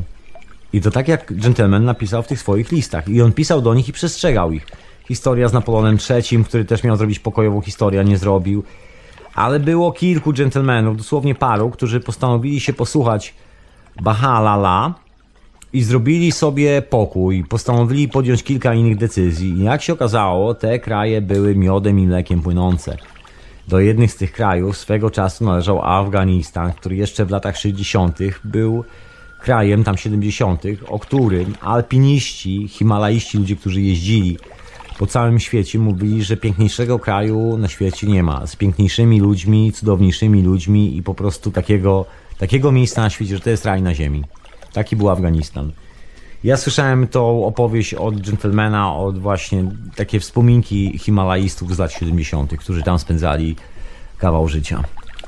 Dopiero w pewnym momencie ktoś zrobił tam im wojnę, spuścił bomby i nagle się okazało, że tak straumatyzował tych ludzi, że zamienili się w e, te wszystkie mikrokosmosy swoich własnych wojen i wszystkich konfliktów. Takim narobiono na głowie. Podobnie zresztą w całej Arabii. Abahalala przestrzegał przed tym i mówił, że właśnie będzie taki moment, że nieprawość zwycięży, wszyscy ci wariaci zaczną zbierać pod siebie, nie zdając sobie sprawy z tego, że łamią takie odwieczne prawo natury, że właśnie w tym momencie budują sobie nagrobek. I powiedział, że ten nagrobek właśnie w tym momencie, żyjemy w tym czasie, właśnie się zamanifestuje. No i co by tu dużo nie mówić, powoli sprawy się manifestują dookoła. Pozdrawiam wszystkich obecnych na czacie, radia na fali jak najbardziej. Padły spostrzeżenie i zdjęcie z Afganistanu, jak wyglądał zanim biali E, wariaci postanowili zrobić tam e, swoją Ukrainę Coca-Coli, hodowli opium i sprzedaży broni na niemiłosierną skalę i przewalania kasy. Chłopcy z Watykanu razem CIA. Anyway, to zostawiamy. Zostawiamy historię Afganistanu. To w ogóle zabawna historia, znaczy zabawna, brutalna historia związana z dużym biznesem. Może kiedyś się opowiem, bo to też czemu nie? Ale to może zostawię na inną historię, jakieś zimowe wieczory. Tymczasem wracając do tych wszystkich e, przepowiedni, które ów, jak się mówi, jeden z ostatnich proroków w sumie, taki ostatni prorok, twierdzi, że jest ostatnim takim, nie, nie prorokiem, tylko Mesjaszem, że zaraz po nim nastąpi kataklizm taki globalny, takie wiesz, kompletne stoczenie się na dno, czego jest, e, co będzie konsekwencją pewnych wydarzeń, które się wydarzą za parę chwil. Oczywiście one nie muszą się wydarzyć, wystarczy, że zostaną podjęte takie inne decyzje i wszystko będzie ok, natomiast prawda jest taka, że nie wygląda na to, on tego w listach tych e, wysyłanych nie pisał, on raczej namawiał do tych pokojowych rzeczy, ale u siebie tam w korespondencji zostawił, że konsekwencje będą takie i takie. Na wypadek tego będzie to, na wypadek tego będzie to. No i tam akurat poszło niewłaściwą stroną, ale tak czy siak, koniec końców, właśnie jesteśmy w tym momencie, w którym, jak ten gentleman przewidział, pojawiły się technologie kosmiczne, i przede wszystkim to, co postulował, to jest taki największy i najważniejszy jak punkt milowy, że tak powiem, jego koncepcji, to jest to, że tym momentem transformacji będzie pojawienie się technologii, która jest związana z naszą duszą. Czyli to już nie będzie technologia kółek zębatych i wiesz, kabla elektrycznego i tak dalej, i tak dalej, tylko to będzie technologia, która jest związana z tym, że no, szczerze siłą umysłu, wiesz, kierujesz, tworzysz własną rzeczywistość. To jest to, co istnieje w takiej, wiesz, no nie wiem, czy szczątkowej, mniej lub bardziej, może nie takiej pełnej, ale mocnej wersji na wschodzie w postaci energii chi i wiary w ludzi i w ogóle wykorzystania wiedzy na temat energii chi. Chociażby ta historia. Także nie jest to nic nowego, aż tak, ale on mówił, że on nie mówił o tym, że to będzie tak, tak jak było zawsze, że będzie paru ludzi, którzy to wiedzą i tak dalej, i tak dalej, tylko że nagle ta wiedza się uwolni. O to chodziło, że nagle wszyscy złapiemy, no, albo większość z nas, w każdym razie ta wystarczająca większość, że świat jest skonstruowany na innych zasadach i całe, i wszystkie te pomysły, na których jest oparta ta cywilizacja, nie mają tu żadnego znaczenia, bo ta oryginalna technologia daje potężną władzę jakby transmutacji, transformacji. Właściwie, wiesz, gdyby spojrzeć na tego dżentelmena i na jego pracę, tak troszkę ciężko mi się, wiesz, tłumaczy z jego poetyckich strof na ludzki język, bo jestem takim troszkę gentlemanem, wiesz, chłopakiem z, z innej części świata, który tak bardzo kanciaście traktuje takie rzeczy. Nie mam takiej, wiesz, że powiedzieć, nie wiem, arabskiej poezji w sobie. Właściwie ten gentleman, y, taką mia moją miarką to taki alchemik, który się pojawił swego czasu unikał stosowania jak tylko mógł jakichkolwiek rozwiązań związanych z budowaniem urządzeń, robieniem transmutacji itd., tak itd. Tak w ogóle wystrzegał się tego jak tylko mógł. Nigdy nie twierdził, że to może robić, ale ludzie, którzy mieszkali razem z nim, a było tych ludzi naprawdę sporo, wystawiali świadectwa, że dookoła dżentelmena działy się dosłownie cuda. Ja nie będę teraz opisywał tych cudów, po prostu ludzie pisali, że cuda, to można sobie to posprawdzać. To już były czasy pierwszej fotografii, także ten gentleman jest już na pierwszych fotografiach. Nie jest to opowieść hipotetyczna, wymyślona z palca, tylko jest to autentycznie istniejąca postać. Wszystkie rekordy jego pobytu w więzieniach są do tej pory w kronikach zapisane. Wszystkie jego listy zostały. Wszystkie te rzeczy są do dzisiaj dostępne. To nie jest taka tajemnica, że koleś wyparował i nic po nim nie zostało. I w ogóle ktoś sobie wymyślił tego kolesia. Nie, nie. To wszystko wydarzyło się jak najbardziej naprawdę. Zresztą miejsca, w których ten e, gentleman spędzał swój czas, można do dzisiaj zwiedzać. Była historia, że próbowano go otruć, później próbowano e, rozwalić tą całą e, balach fate, czyli tą całą wiarę, robiąc konkurencję, czyli przekupując jednego z tych kolesi, żeby założył taką, takie drugie stronnictwo, które używa tej samej nazwy. To jest Bahala, Fate ale już nie jest Bahala H, tylko to jest zupełnie inny koleś, który jest szefem tego wszystkiego. Tak, żeby rozbić to na frakcje, nie do końca się udało, to dalej przetrwało w swoim takim oryginalnym y, rdzeniu, jako, jako, jako wiara w to, że przyczyną wszystkiego jest pokój na świecie. Jeżeli chcemy normalnie żyć, musimy osiągnąć pokój samym w sobie, bo taka jest natura istnienia kosmosu. Nigdzie nie ma wojny w kosmosie, żadni wiesz, zieloni nie atakują szarych, nic takiego się nie dzieje. Kosmos ma swoje nieustanne prawa, takie, wiesz, pryncypia, z którymi się nie dyskutuje, po prostu takie są pryncypia kosmosu. I wszystko, co widzimy dookoła, jest przejawieniem tych pryncypii. I właśnie ten rozpad jest częścią powstawania nowego życia, jeżeli wiecie, jak do tego podejść. I tam jest schowana cała ta technologia, cała ta wiedza. I teraz, jeżeli spojrzysz na to od tej strony technologicznej, już takiej, wiesz, współczesnych czasach, teraz przenosimy się do współczesnej alchemii w reaktorach na przykład, nie wiem, niskiej fuzji, to dokładnie masz tą samą sytuację, gdzie lekkie pola, bardzo lekkie pola radioaktywne, bardzo lekkie, zdziwiłbyś się jak lekkie, naprawdę wręcz niewyczuwalne dla nas. Można powiedzieć, że magnes, taki zwykły magnes na lodówkę ma mocniejsze pola i to o wiele mocniejsze i to bez żartów niż taka radioaktywna substancja. Właśnie taka substancja powoduje reakcję, którą jesteś w stanie zasilić w prąd, energię kilka potężnych, dużych metropolii. Chociażby historia z zimną fuzją. I to był gentleman, który przewidział właśnie dzianie się takich rzeczy i stwierdził, że ta wiedza stanie się tak ogólnie dostępna i właśnie to zmieni świat, że świata nie zmienią deklaracje pokojowe i tak dalej, że będzie moment, kiedy, kiedy władza tak zwana, nie lubię tego podziału, bo to brzmi troszeczkę taka polaryzacja po prostu niezdrowa.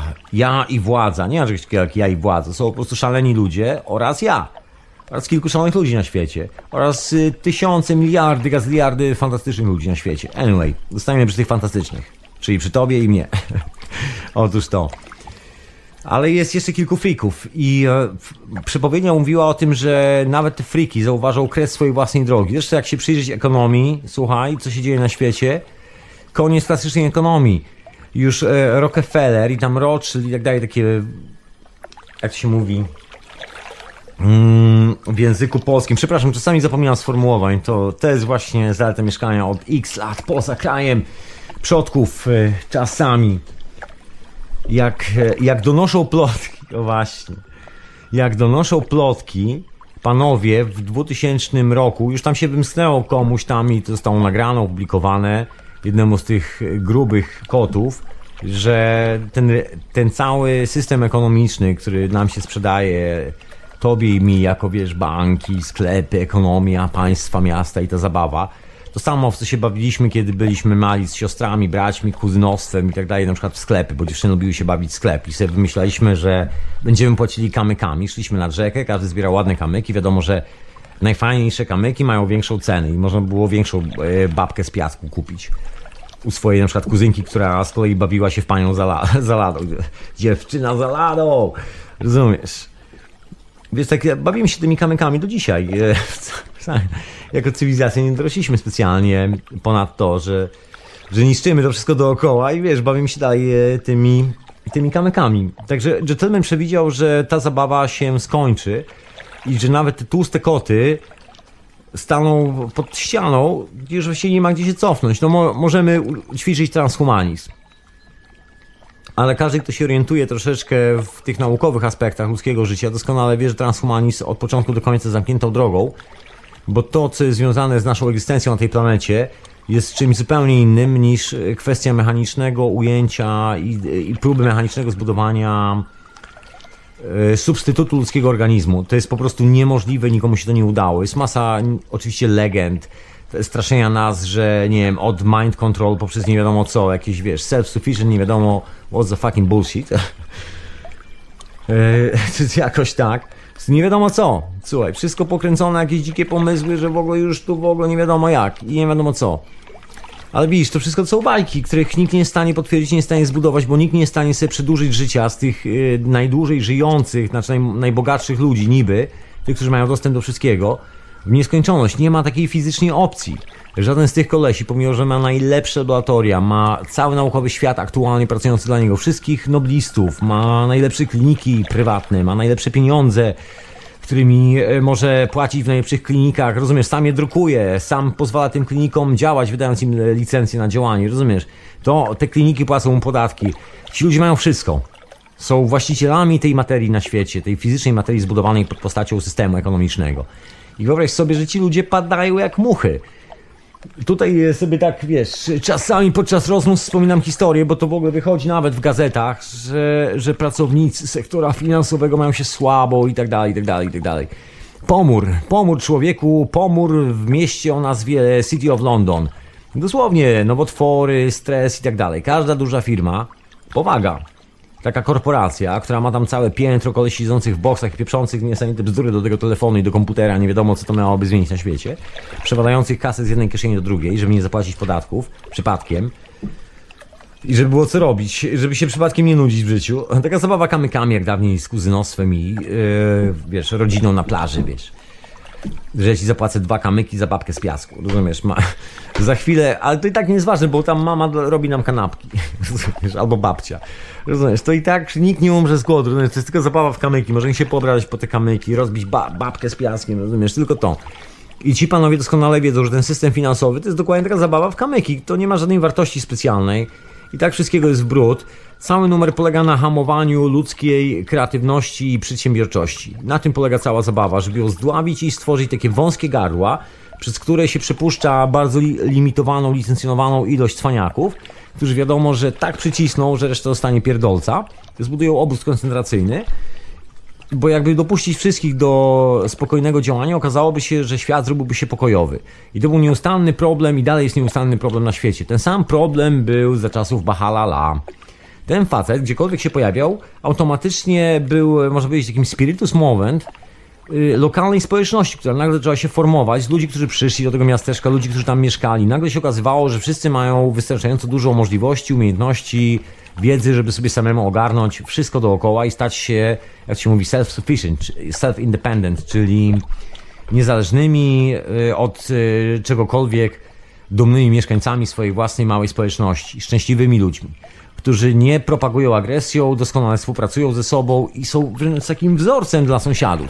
Nagle się okazuje, że nie można sprzedać im broni, że nie można ich ogrodzić drutem kolczastym i powiedzieć, że będą teraz na bramce płacili ekstra, ekstra bakszysz, żeby przejechać do kraju, który się nazywa sąsiad obok, ale teraz trzeba mieć paszport, żeby do sąsiada obok pojechać. Rozumiesz? I ten numer tam nie przechodził. No i się okazało, że większość ludzi jest na świecie jednak normalna i ten numer nie, wiesz, słabo przechodzi, ale Widzisz, jak się zrobi wąskie gardło, to jest szansa, że się dociśnie całą cywilizację, bo wtedy jest szansa, no właśnie szansa i to, to jest to, co widzimy na co dzień, że, że korumpujemy się wewnętrznie, idziemy na pewien układ z systemem, sprzedajemy sami siebie, szmacimy się nieprzeciętnie, wstając codziennie rano na konkretną godzinę do pracy, licząc na to, że jeszcze uda nam się przebić przez 30 lat i szlak nas nie trafi, że dożyjemy do światłej emerytury. Wiemy, że wszystko jest bullshit, nic z tego nie będzie, ale wiesz, brniemy dalej twardo, wiesz, bierzemy kredyty, rozumiesz. Wszyscy bawimy się tymi kamykami, kamykami, które sobie znaleźliśmy, wiesz, w piasku, na plaży. Co ładniejszy kamyk, słuchaj, to większa babka z piasku. I tak tego nie ugryziesz, i tak tego nie zjesz. Żarcie w supermarkecie to jest w 10% rzecz, której bym własnemu psu nie dał. Rozumiesz? Człowieku, zapomnij o tym. Przecież to by go zabiło. A co dopiero jak ja miał to zjeść. Rozumiesz? I tak dalej, i tak dalej.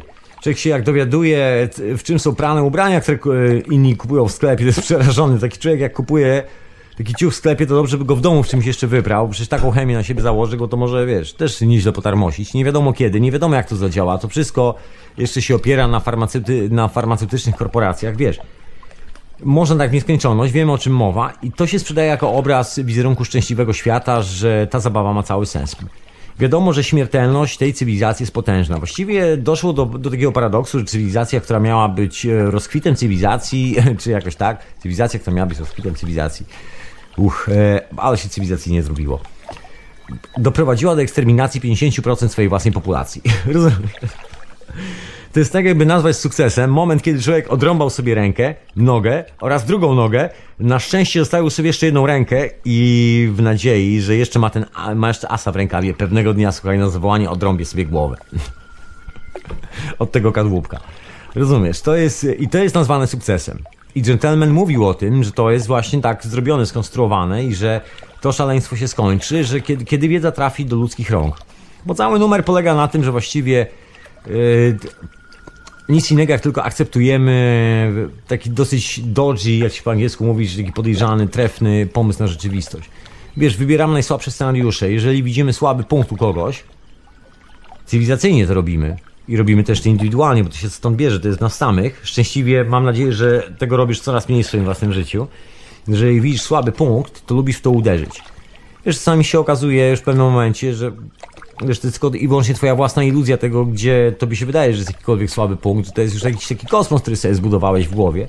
Albo ja sobie zbudowałem w głowie że to przypomina, że takie uderzanie głupka głową o ścianę, któremu się wydaje, że właśnie rozczaskuje cały świat i za chwilę nie wiadomo co się stanie, przylecą kosmici w ogóle powstanie nie wiadomo co w ogóle. Rozumiesz, dostanie, dostanie nie wiem co w nagrodę od y, świata. Konto z miliardem dolarów. Rozumiesz?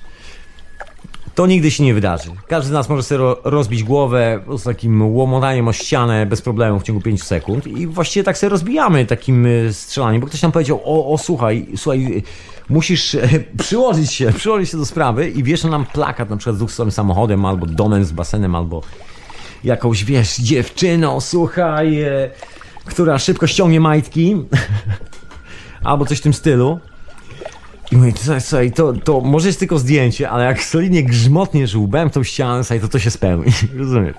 I to jest taki troszkę afront dla naszej własnej inteligencji, którą sami sobie popełniamy codziennie rano, budując ten system. Ale szczęśliwie, Bahalala przewidział, że pewnego dnia przestaniemy uderzać tą głową w ścianę, rozumiesz? I wszystko będzie ok. Przynajmniej taki pomysł miał na rzeczywistość. I powiedział, że to się wydarzy właśnie od tej strony połączenia ducha z nauką i że pewnego dnia nauka nawet nie tyle dorośnie do tego, ile będzie zmuszona to zaakceptować przez moment, e, przez sytuację, w której się ustawi cała planeta Ziemia względem kosmicznych sytuacji, czyli tych wszystkich planet dookoła. I ja ci powiem coś ciekawego. Teraz jest takie ustawienie planet, że jeżeli ktoś, i tutaj z obecnych, człowieku, czy bawiłeś się kiedyś magnesami, silnikiem elektrycznym, to ustaw magnesy, weź sobie magnesy do ręki, ale muszą być okrągłe. Pomaga i ustaw sobie planety, znaczy planety, co ja mówię, ustaw sobie magnesiki w takiej sekwencji, że masz jeden duży magnes dookoła. Znaczy, no nie musisz, poza jed, jed, dwa magnesy na przykład ustawione pod kątem 60 stopni, pomiędzy nimi jest magnes 30 stopni, a 33 stopnie, a pomiędzy nimi jest jeszcze magnes, który jest 16 stopni, czyli takie dwa magnesy, które są ustawione pod tym samym kątem, pomiędzy są ustawione takie jakby przekątne i poprzekątne. Ciekawe ustawienie bardzo. Słuchaj, i Ziemia jest, e, Ziemia jest w tym całym zamieszaniu gdzieś tam pomiędzy. Taka kosmiczna ustawka, słuchaj, wielkich magnesów, które, którymi są magnesami. No bo co to jest, jak nie wielkie magnesy w Układzie Słonecznym? Chyba jasna sprawa. I to jest ten moment. I ten pan o tym mówił, że właśnie wszystkie te procesy ze sobą sklejone. I to był taki ostatni Mesjasz, można powiedzieć, przedostatni. Mówił, że teraz właściwie nadejdzie czas Mesjaszy. Czyli człowieku, słuchaj, jesteśmy Mesjaszami. Bądź pozdrowiony, pokoju. Otóż to, y, no nie, nie, to nie jest żadna strofa z Baha'u'llah. I akurat jak na ironię, no nie przetłumaczyłem dzisiaj żadnej strofy. Jest takie angielskie, jest angielskie tłumaczenie oczywiście prac Baha'u'llah. I to właściwie chyba wszystkiego, bo stworzyło się z tego, stworzył się z tego taki właściwie globalny ruch. Słuchaj, w Londynie mamy trzy centra, trzy takie centra właśnie Bahala Fate, tak to się nazywa, bo Bahala La to jest nazwisko gentlemana, natomiast Bahala Fate to jest opis tej jego koncepcji. No i wiesz, jest to ciekawa historia, bo tam jeszcze wrócę do tych wszystkich jego przewidywań, e, tego co się wydarzy w przyszłości. Przewidział upadek kościołów, przewidział im przyszłość, bo w ogóle Wiesz, e, ja tak mówię, że to jest przewidywanie przyszłości. To są takie ciekawe rady dżentelmena z zagrobu, można powiedzieć. Y, Bo to trochę jak Saint-Germain trochę, taka historia. Ale gentleman nie robił żadnych sztuczek, sz- e, Saint-Germain robił sztuczki. To jest ta różnica między nimi i Saint-Germain Saint-Germain pojawił się i znikł. e, Też właściwie starając się robić jakiś tam pokój na świecie, znaczy pokój na świecie, tak z, nie produkował broni, robić ubrania i tak dalej, i tak dalej. Raczej, żeby mieszkańcy byli syci i do, żyli dostatnio niż e, wojenka rozkwitała. A tutaj Baha-La robił dokładnie tą samą rzecz na wschodzie, w, w, w krajach Arabii. No i doprowadziło to do takiego zamieszania, że stało się to po prostu bardzo polityczną sprawą. W momencie, kiedy właściwie już tam zaczęli rządzić Anglicy i wszystkie te dziwne ko- e, ko- kom- wpływy kolonistów, które tam się pojawiły, sprawa zaczęła być naprawdę bardzo taka no, na ostro noża postawiona, bo wiesz, jest ruch, który, w, który zaangażowane są tysiące, dosłownie setki tysięcy ludzi w całej Arabii. No i wiesz, ci ludzie wypowiadają posłuszeństwo władzy i właściwie, żeby zabawniej, ci ludzie nie chcą pracować jako niewolnicy dla tej władzy i nagle ta władza traci jakikolwiek sens, a oni sobie świetnie radzą i wiesz, wszystko jest sprowadzone do po prostu pięknego, cudownego życia. I władza jest zmuszona, wiesz, realizować pokojowe postulaty ludzi, jeżeli chce dalej, wiesz, funkcjonować jako taką władza. I nie ma innej opcji. No i tam były, były, opc- były tam sytuacje, gdzie zresztą doprowadził do pokoju. Dosłownie usiadł, zaczął, zaczął nie medytować, wysyłać listy, jakby prowokować różne sytuacje. Gentleman wiedział, no miał tu tajemniczą moc, dosłownie jak tacy szamani w Amazonii, którzy potrafią rzucić trzema kamykami, spowodować burzę z piorunami, to on potrafił usiąść i dosłownie wiesz, e, stworzyć taki manifest emocjonalny w swojej głowie, że nagle sprawy się zaczęły układać, e, pokoje się zaczęły, że tak powiem, zawiązywać pomiędzy jakimiś krajami arabskimi, nie było wojen, Anglicy czasami zgrzytali zębami albo Niemcy, bo nie sprzedali broni lub Francuzi, ale wiesz, pokój się robił i wszyscy żyli dostatnio. I nagle w pewnym momencie pojawiają się dziwni ludzie i Bahalach ha, i mówi, że stary, jeżeli pójdziesz tą stronę, to cię zmiecie. Daję ci maksymalnie 15 lat stary, i jest po tobie.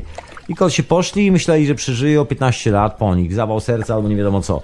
A czy nie to, że Bahala z, z tej celi ich truł albo coś w tym stylu. Po prostu dosięgały ich konsekwencje mm, własnych posunięć. Tak można to łatwo i skutecznie nazwać. Co do, co do zaś religii, bo to jest ciekawa historia. No bo jest to bardzo, że tak powiem, nasycone miejsce, cała ta Arabia, takimi kultami, ale obsesyjnymi kultami, wiesz, ortodoksyjni katole, którzy już tam wierzą, wiesz, wręcz w manifestację Jezusa, która chodzi po ziemi, wiesz, świry, które mieszkają w Jerozolimie, Słuchaj, świry, które wierzą w Torę, świry, które wierzą w Koran, no tych to już naprawdę nie brakuje, rozumiesz? Po prostu pełne szaleństwo i nagle pojawia się koleś, który, który pochodzi z rodziny o, zdaje się, mieszanych korze, korzeniach i zarówno żydowskich, semickich, jak i arabskich. I ten koleś mówi, że żadna z tych y, wiar nie ma racji bytu, w ogóle łącznie z Watykanem i tak dalej, że to jest wszystko jakaś horrendalna pomyłka, że to zrobiono zostało przez ludzi. Jeżeli Bóg istnieje, to jest jeden, jest tylko jeden stwórca i właściwie nie ma żadnego kościoła, który by go reprezentował. Te wszystkie kościoły to jest y, podpucha wymyślona po to, żeby Cesarstwo Rzymskie dalej mogło w jakiejkolwiek formie sp- sprawować swoją władzę i y, pobierać podatki od ludzi poprzez przewożenie rzeczy przez granicę oraz zarabiać na polaryzacji opinii, robić wojny w swoich e, prowincjach, pomiędzy prowincjami i żyć e, i czerpać z tego korzyści jako wąska grupa ludzi gdzieś tam w Rzymie. I w ogóle twierdzę, że to, są, to jest pełne szaleństwo. Jeżeli to szaleństwo się nie skończy i nie przejdzie na stronę pokojową, no to w tym momencie ten czas, ty, wtedy a wtedy się wypełni i mury Watykanu runą i tak dalej, i tak dalej, trzęsienie ziemi. Takie ciekawe historie i przewidział upadek właśnie radykalnego islamu, radykalnego chrześcijaństwa i radykalnego żydostwa. Dosłownie że to wszystko szlak trafi, bo to wszystko jest gówno warte. I miał z nimi największy problem. Żydzi bali się go ruszyć, bo, bo bali się go ruszyć, bo był jednym z nich i tak, bo nie mogą zabić Araba, on był Sarab. W ogóle historie nieprzeciętne z tym wszystkim. Bali się go strasznie. Facet był pokojowo nastawiony, w życiu muchy nie skrzywdził, można powiedzieć. No może zjadł y, pająka, kiedy spał, no. Każdemu się ponoć zdarza, jak mówią naukowcy amerykańscy. Ale facet dawał sobie doskonale radę w życiu. Były takie momenty, że podawano mu jedynie brudną, stęchłą wodę, a on nawet jej nie ruszył. Siedział w tej celi i niczym taki, myn, taki mnich tybetański, ani wody, ani jedzenia i spokojnie funkcjonował. Po czym po miesiącu, kiedy wszyscy już tam protestowali, chcieli wręcz robi, robić rewolucję w kraju, bo to był jedyny taki więzień w całych krajach arabskich. Dosłownie legendarna postać, o której w ogóle w Europie nikt nie wie, ale tam to jest no może nie jak święty, może nie jak guru, ale wiesz, sprawa jest poważna, bo jedyny koleś, który muchy w życiu do jasnej cholery nigdy nie skrzywdził, był zamykany do najcieńszych więzień i tysiące ludzi protestowało przeciwko temu. Efekt był taki, że jak go na, na końcu zamknęli, to w takiej cytadeli, żeby nie było nawet żadnego dostępu, że tylko właściwie z morza i po wąskim cyplu można było. Żeby armią odgrodzić go od w ogóle jakichkolwiek ludzi. Bo się okazywało, że no właśnie, że nawet ci, którzy przynosili mu rzeczy, ulegali jego wpływowi i w pewnym momencie sprawy zaczynają dziać się inaczej, bo koleś, koleś siedząc w miejscu potrafił stworzyć taką atmosferę sobą, że dookoła niego dział się pokój. Ludzie patrzyli sobie w oczy i przestawali robić sobie krzywdę, nieustannie powtarzając to, taką głupią mantrę, że na tym polega cała nasza ludzka egzystencja, że w pył się obrócisz i w pył powstaniesz. Właśnie to jest najlepszy numer, że ten gentleman zaprzeczył tej teologii stwierdził, że jesteśmy czymś więcej niż pył, jesteśmy manifestacją się ducha na tej planecie i nie mamy nic wspólnego z pyłem. Pył to jest tylko postać, którą przyjmujemy i gdziekolwiek się będziemy manifestowali, czy na Marsie, czy na Wenus, czy gdziekolwiek, możemy przybrać dowolną postać. I to konkretnie też pisał w swoich listach. I wychodzi na to, że cały ten... E, to wczoraj, wczoraj podczas rozmowy mówiłem jednej. Nie tylko, taka ostatnia konkluzja, która chodzi mi po głowie, jak sobie właśnie konkluduje pewne prace naukowe ostatnich, ostatnich miesięcy i pewne prace, prace teologiczno, może teologiczno, nie wiem, może nie, mesjańskie, pewne prace mesjańskie sprzed 150 lat, no to wygląda na to, że tak się właśnie dzieje. Że to jest ten moment, że to jest ten czas, o którym ten gentleman pisał, że właśnie te dwie rzeczy zaczynają się kleić razem. Zaczynamy rozumieć, że jesteśmy tą istotą, która klei to wszystko, nasza intencja to wszystko klei, co te badania chociażby neuro, neurochirurgów, neurobiologów amerykańskich. Tak, tak. Właśnie tych od przeszczepów mózgu, najlepszych specjalistów na świecie, jakich możesz sobie wyobrazić, bo akurat co jak co, ale to mają największą kasę i biją wszystkich na głowę. Mają najlepszy sprzęt, najdroższy. Od tej technicznej strony i wpadają w takie ciekawe, wiesz, zakamarki tej całej historii pod tytułem przecina się, y, przecina się połączenie neuronowe w ludzkiej tkance, w ludzkim mózgu, przecinają nam połączenie, ono wędruje pod mikroskop i to taki, pod którym jeszcze jesteś w stanie zauważyć żywe tkanki i nagle się okazuje, że w środku jest pustka. I najlepszy numer jest taki, że impuls e, elektryczny, jedyna zmierzalna część aktywności w ogóle naszego, wiesz, naszej kory mózgowej, chociaż wiesz, nikt nie wie, co to oznacza tak naprawdę. To jest po prostu impuls elektromagnetyczny o konkretnej częstotliwości, ale nikt nie wie z żadną cholerę, co to znaczy. Poważnie, nie ma takiej opcji, to jest tylko spekulacja, tak jakiegoś, wiesz, dzi dzikiego szaleńca. Ale wiadomo, że impuls się pojawia i numer z tym impulsem polega na tym, że on się pojawia dokładnie w e, jeżeli masz jedno, jedno połączenie neuronowe, takie długie, coś jak rzeka, która wiesz, płynie ze źródełka do morza, to impuls pojawia się wiesz, w każdym miejscu e, tej rzeki. Spontanicznie w tym samym momencie. I nagle się okazuje, że cała teoria, słuchaj, o przepływie elektronów w naszym mózgu idzie się walić na drzewo, bo w ogóle nie ma przepływu od e, kierunka tak zwanego centralnego się okazuje, że cała ta teoria związana z tym, że na przykład, na przykład jesteśmy zbudowani na interakcji ośrodka centralnego, jakby ne- nerwowo, centralnego ośrodka nerwowego w naszym mózgu, to jest bullshit. I to taki centralny bullshit. Tam w ogóle nie ma nic. Tam jest tylko, można powiedzieć, taki fizyczny sterownik, który się aktywuje, ale aktywacja tego pola następuje w środku naszych połączeń neuronowych. Koście to przycięli i nazwali to nanotubing. Się okazuje, że w środku jest tak zwana nanotuba, pusta w środku i tam się, wiesz, manifestujemy jako istota, fizycznie. Pojawiamy się w swoim własnym mózgu.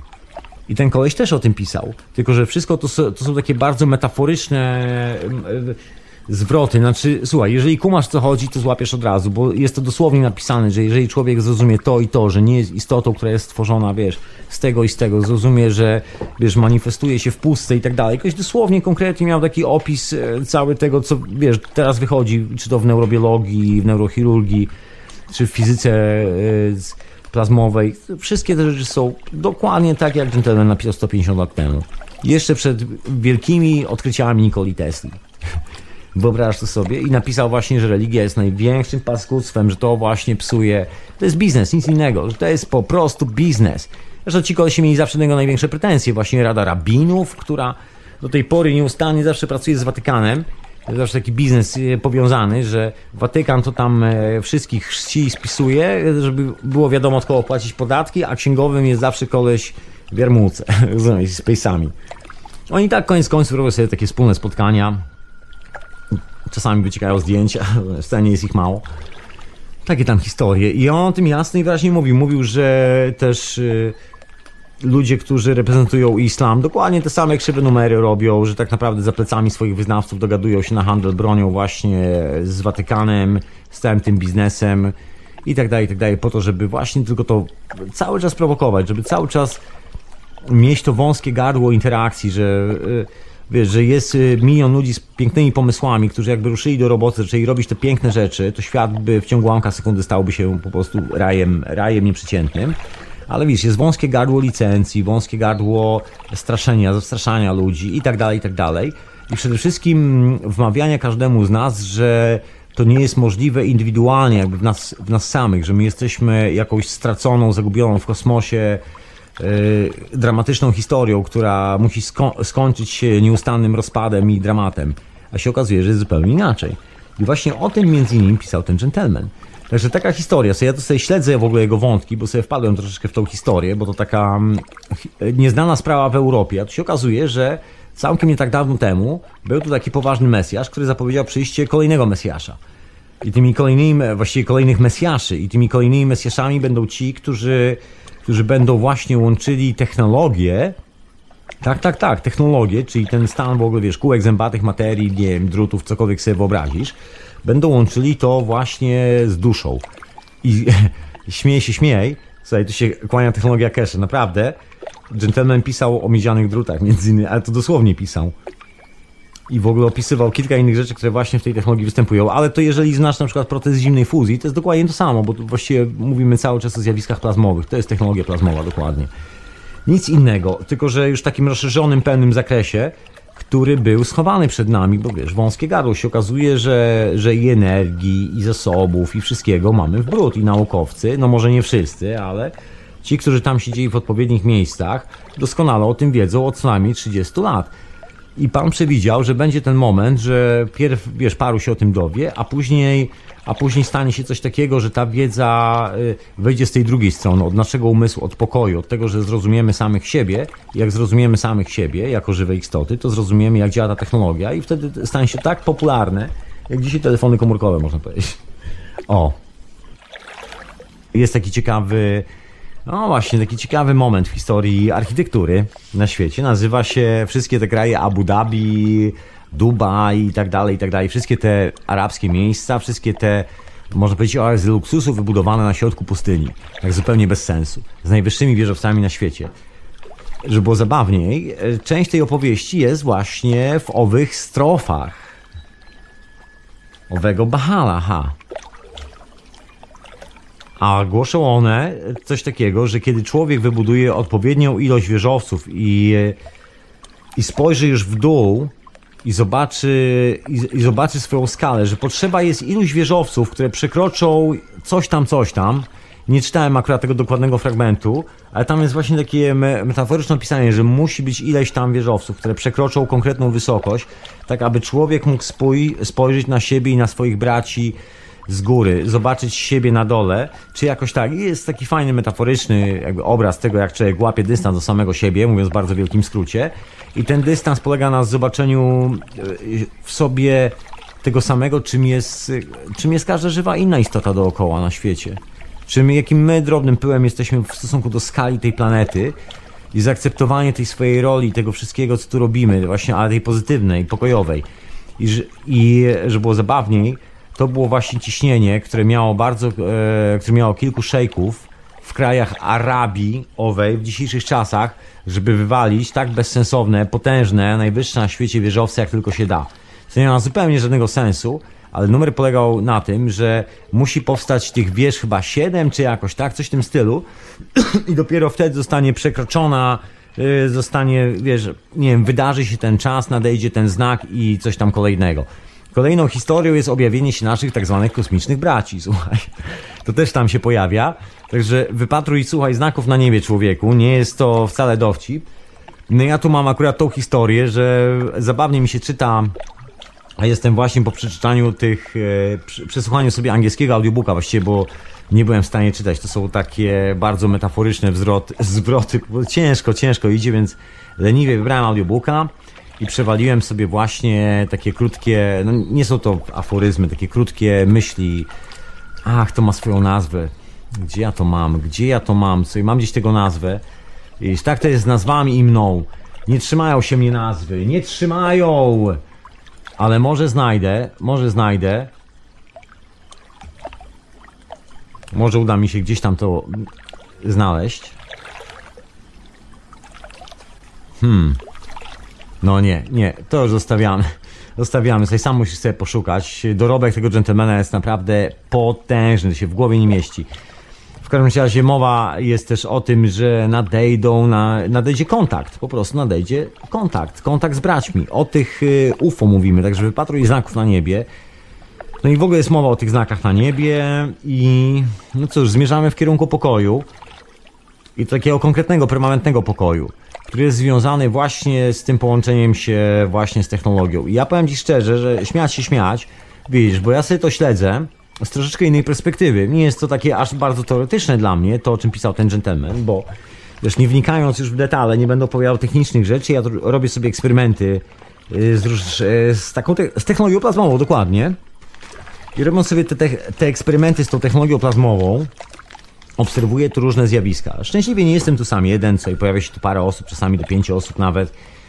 Wiesz, czasami przy eksperymentach uczestniczy 3-4 osoby i coś się tam dzieje, także nigdy to nie jest tak, e, znaczy no, nie to, że nigdy, tylko po prostu jeżeli jest taka sytuacja, która naprawdę działa, to nie ma problemu z tym, żeby żeby cztery osoby mogły to zaobserwować, tak zawsze są świadkowie, można, wiesz, się zastanowić, co to jest. No i żeby było zabawniej, słuchaj, wyobraź sobie, że y, historie związane z opisem e, tego, jak e, propaguje pole grawitacyjno-magnetyczne, jak się wiąże substancja, w ogóle samo na przykład zachowanie się tak zwanych wolnych elektronów w polu, konkretnym polu zbudowanym do, na przykład przez jakiś tam działający reaktor, konkretny plazmowy. To jest, można powiedzieć, takie pole, w którym między innymi możesz kupić takie maszyny bez problemu na rynku, bo to jest używane, jakby część tej, tej wiedzy, znaczy może tak, może tak, bez zrozumienia do końca o jakie zjawisko chodzi, ale zjawisko jest doskonale znane i wykorzystywane w ogóle od co najmniej 100 lat. To jest, to jest restrukturyzowanie wody na przykład za pomocą ładunków elektrostatycznych. Można kupić sobie masę takich maszyn na świecie, łącznie z eBayem i tak dalej, i tak dalej. No to teraz wyobraź sobie, że masz, bo robisz pole elektrostatyczne i właśnie tym polem elektrostatycznym y, naprawiasz klastry wody. I tu jest w ogóle taki numer, że robisz pole elektrostatyczne reaktorem, które się tworzy spontanicznie i to pole w ogóle restrukturyzuje wszystko, co jest w jego okolicy na przykład. Zmienia, no bo takie jest. Po prostu bierzesz mierniki, słuchaj, wkładasz mierniki, w powietrzu wisi miernik, bierzesz i miernik ci świeci w powietrzu, dosłownie. A nie ma tam ani kabla, ani druta, ani żadnych z tych rzeczy. Także wiesz, jak, jak e, przy takich eksperymentach, jak, jak tutaj spędziłem troszeczkę czasu z znajomymi, no to jak teraz siadłem sobie, poczytałem te właśnie strofy Bahala La, no to się okazuje, że w sumie ty łebski facet, bo wiesz, bardzo po, potężne zjawiska, zjawiska, o których my się dopiero teraz uczymy, jakby odkrywamy może być na nowo, wiesz. Ja sobie myślę, że po 6 tysiącach lat, jak tak patrzę na te piramidalne historie, to myślę, że ta technologia już wcześniej była, tylko my ją odkrywamy jeszcze raz. Po prostu tam wchodzimy tylnymi drzwiami, można powiedzieć. Zwariowaliśmy, wymyśliliśmy sobie wojny, bomby, kółka zębate, wiesz. i cały ten dramat życiowy, wiesz, nie, nieudanych, e, nieudanego życia po swojego własnego i manifestacji tego życia na milion sposobów. No, no właśnie. Ale jeżeli pójdzie się drugą stroną, to jest zupełnie inna technologia i wiesz, wtedy tej technologii widać gdzieś tam w historii, przynajmniej ja to widzę. Wiesz, wcale nie muszę mieć racji, tutaj śmiało możesz mi prowadzić, wyprowadzić z błędu, ale niekoniecznie musisz mi dawać ten znak. Niemniej, słuchaj, każdy ma własne zdanie na ten temat. Moje zdanie jest takie, że to już było. I to jest ten moment, do którego wracamy. I kiedy tak sobie spojrzę właśnie na te strofy, kiedy spojrzę sobie na te eksperymenty, to mam wrażenie, że sobie w wielu miejscach mówimy dokładnie o tym samym. To jest, to jest opis zjawiska, które ja tu na przykład z, ze swoimi znajomymi obserwuję, wiesz, w tak zwanym domowym laboratorium. Dokładnie to samo zjawisko. Które normal, normalna fizyka nie jest w stanie ci wytłumaczyć. Normalna fizyka w tym momencie już dawno wysiadła, normalna fizyka już dawno powiedziała do widzenia, wszystkie prawa się skończyły, załamały, wiesz, wszystkie mierniki już nie powinny dawno działać, a dzieją się cuda. Rozumiesz? I takich rzeczy jest naprawdę masę. I nagle się okazuje, że wiesz, że świat jest. No właśnie, cały świat jest anomalią, może być od strony naukowej, bo nauka nazywa to wszystko anomaliami. I ten gentleman właśnie przewidział tak, tą rzecz, napisał to w tych swoich poetyckich strofach, że właśnie ta zmiana przyjdzie od strony anomalii. Tego, czego nauka oficjalnie, czego świat, który ludzie stworzą, kierowani strachem, lękiem, wojną i przemocą i tak dalej, nie będą chcieli zaakceptować i wybudują sobie jakiś tam, wiesz, dziki obraz świata, ten obraz świata ich pewnego dnia zacznie zawodzić i to już będzie oznaczało, że jest koniec. Bo ten obraz świata nie jest w stanie się utrzymać e, zbyt długo, że tak powiem, w działaniu. No wiadomo, no tak jak, nie wiem, współczesna ekonomia, przecież to jest bajka dla, wiesz, dla dzieci, a nie, a nie jakakolwiek ekonomia, jakikolwiek system, który służy wspieraniu jakiejkolwiek lokalnej społeczności. Chyba, że lokalną społecznością wiesz, planety Ziemia nazwiemy, wiesz, 0,00001% mieszkańców tej planety, którym odjechało na czaszkę i wiesz, żyją z prowadzenia wojen. Także historia bardzo ciekawa, historia schowana przed nami, bo oczywiście, wiesz, Europa oddzielona murem żelaznym, intelektualnym, inny język, Arabia to już terroryści, rozumiesz? I robienie z nas głupków nieustannie, tylko po to, żebyśmy się nie dowiedzieli, co tam za rzeką słychać. I się okazuje, że, że za rzeką, co nie tak dawno temu, był koleś, który przewidział łącznie ze śmiercią tam Napoleona III, łącznie z tym, jak skończy Europa podczas I wojny światowej, łącznie z tym, jak wszyscy, wiesz, zwariują i łącznie z tym, co się teraz dzieje, Mniej więcej, tak dosyć precyzyjnie i wcale nie było dawno temu. Mówił, że jest Mesjaszem. Przyjdą nowi Mesjasze po nim, którzy, którzy będą znakiem właśnie tej e, nadchodzącej e, unifikacji wiedzy i tego, kim jesteśmy. Że nie jesteśmy tym pyłem, z którego się manifestujemy. To, o czym już wiedzą wszyscy neurobiolodzy na świecie. Też są takie badania w ogóle ciekawe, że bada się odruchy ludzkie. Czy Właśnie. I tu się okazuje, że odruch nasz nerwowy, to, że masz tyknięcie ręką i tak dalej, nie zależy od, od nerwów, fizycznie od naszego unerwienia tych żyłek pod skórą. Bullshit, kolejny. Się okazuje, że impuls nerwowy pojawia się szybciej w naszych palcach i wykonujemy machnięcie tymi palcami, niż zamanifestuje się e, interakcja w naszym mózgu, która dopiero wyśle impuls do tych palców.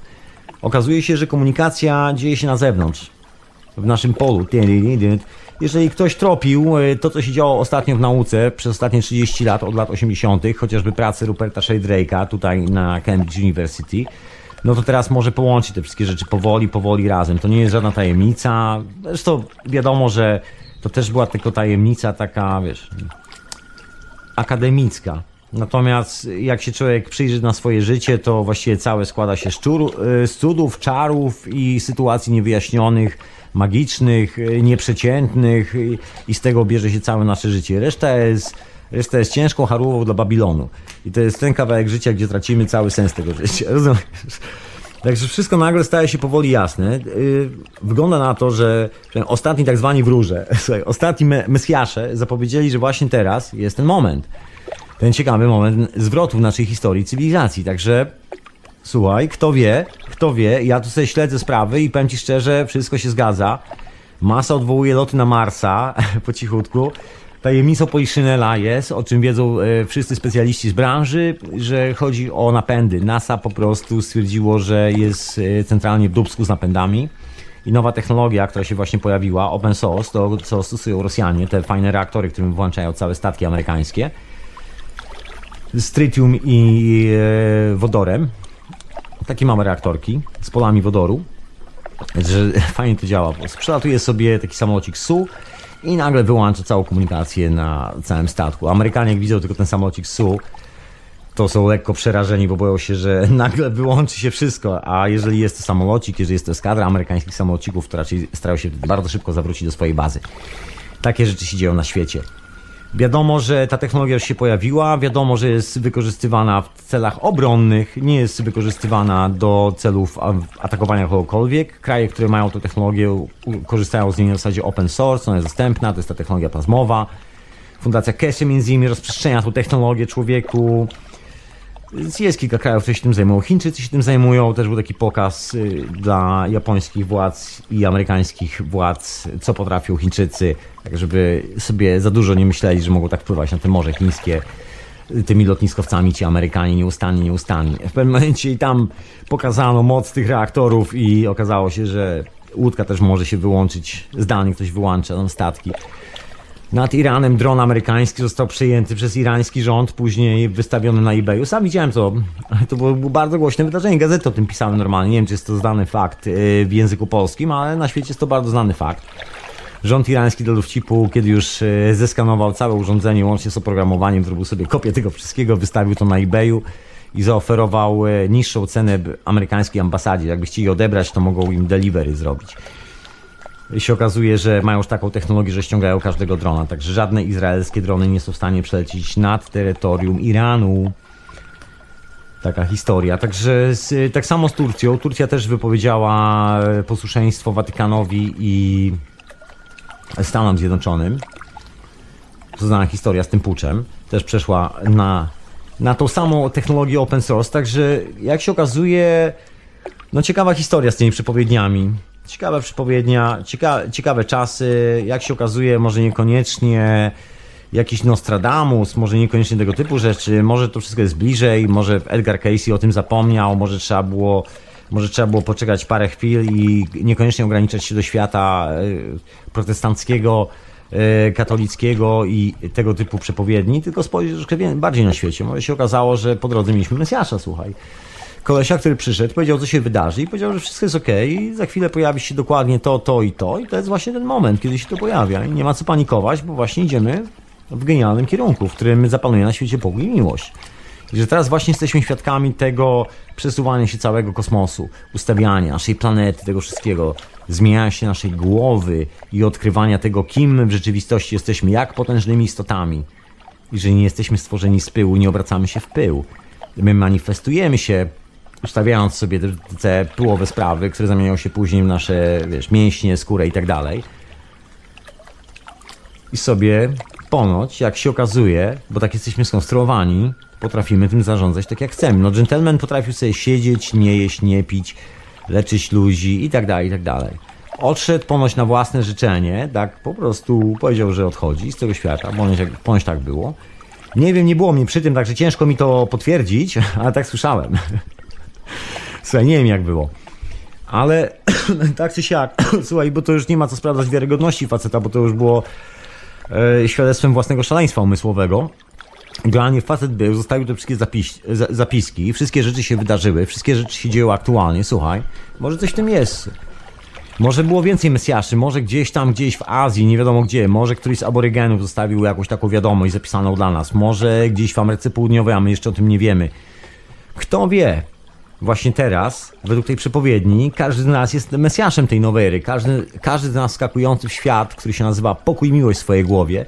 Świat, w którym nie masz tego wewnętrznego konfliktu i próby zgarnięcia po swoje własne dubsko, jak najwięcej jak się da i podrapania się w kroczu, żeby, żeby zawsze drapało i swędziało, bo reklama z, wiesz, z panienką, reklama z chłopcem, rozumiesz, tutaj nowy samochodzik, nowy basen, słuchaj, dużo pieniążków na koncie nie mówi się pieniędzy, tylko pieniążków, żeby wiesz, e, żeby to nie brzmiało tak brutalnie, pieniążki. Rozumiesz? I żeby dużo, dużo, dużo było. A może się okazuje, że chodzi o coś zupełnie innego, że chodzi o podróże między planetami, może chodzi o takie, wiesz, open society, w którym każdy jest wolnym człowiekiem i nikt nie ma choroby psychicznej, wszyscy są doskonale zrównoważeni emocjonalnie, bo nikt nie ma powodu wariować z powodu jakiegoś policjanta. Jak się okazuje, tak świat może funkcjonować, i to jest największym zagrożeniem dla tego świata, bo gentleman, który się pojawił, właśnie ten, ten gentleman, o którym tutaj cały czas y, dzisiaj wspominam, miałem nic nie mówić, a się okazało, że właściwie dużo, dużo na ten temat, właściwie chyba tylko. Bahala, ten gentleman, jak tylko przekazywał informacje o tym, jak sobie skorzystać z tego, jak sobie na przykład usiąść i się dobrze poczuć, jak się wyleczyć, jak, jak sobie prowokować sytuację w życiu w taki sposób, żeby było naprawdę miło, żeby dobrze się darzyło. Jak się okazuje, ludzie chcą żyć w ten sposób. Zawsze chcieli, to się nigdy nie zmieniło. Jeżeli jedynym problemem świata, tego cywilizacyjnego, jest trzymanie raczej takich kolesi w więzieniu i trzymanie nas z dala od tej informacji. Oni bardziej wolą nam pokazać, nie wiem, reklamy z jakąś panienką, z chłopcem, wiesz, szybkim samochodem i domem z basenem. I jeszcze większym kątem z pieniędzmi oraz pięknymi wakacjami w e, egzotycznym raju kraju. Rozumiesz? A tu się okazuje, że gdzieś po drodze mieliśmy taką historię, słuchaj. Zobaczymy, co z tego wyjdzie, słuchaj. Zobaczymy. To już jest ten moment, planety się tak ustawiły, za parę dni kończy się to magiczne ustawienie.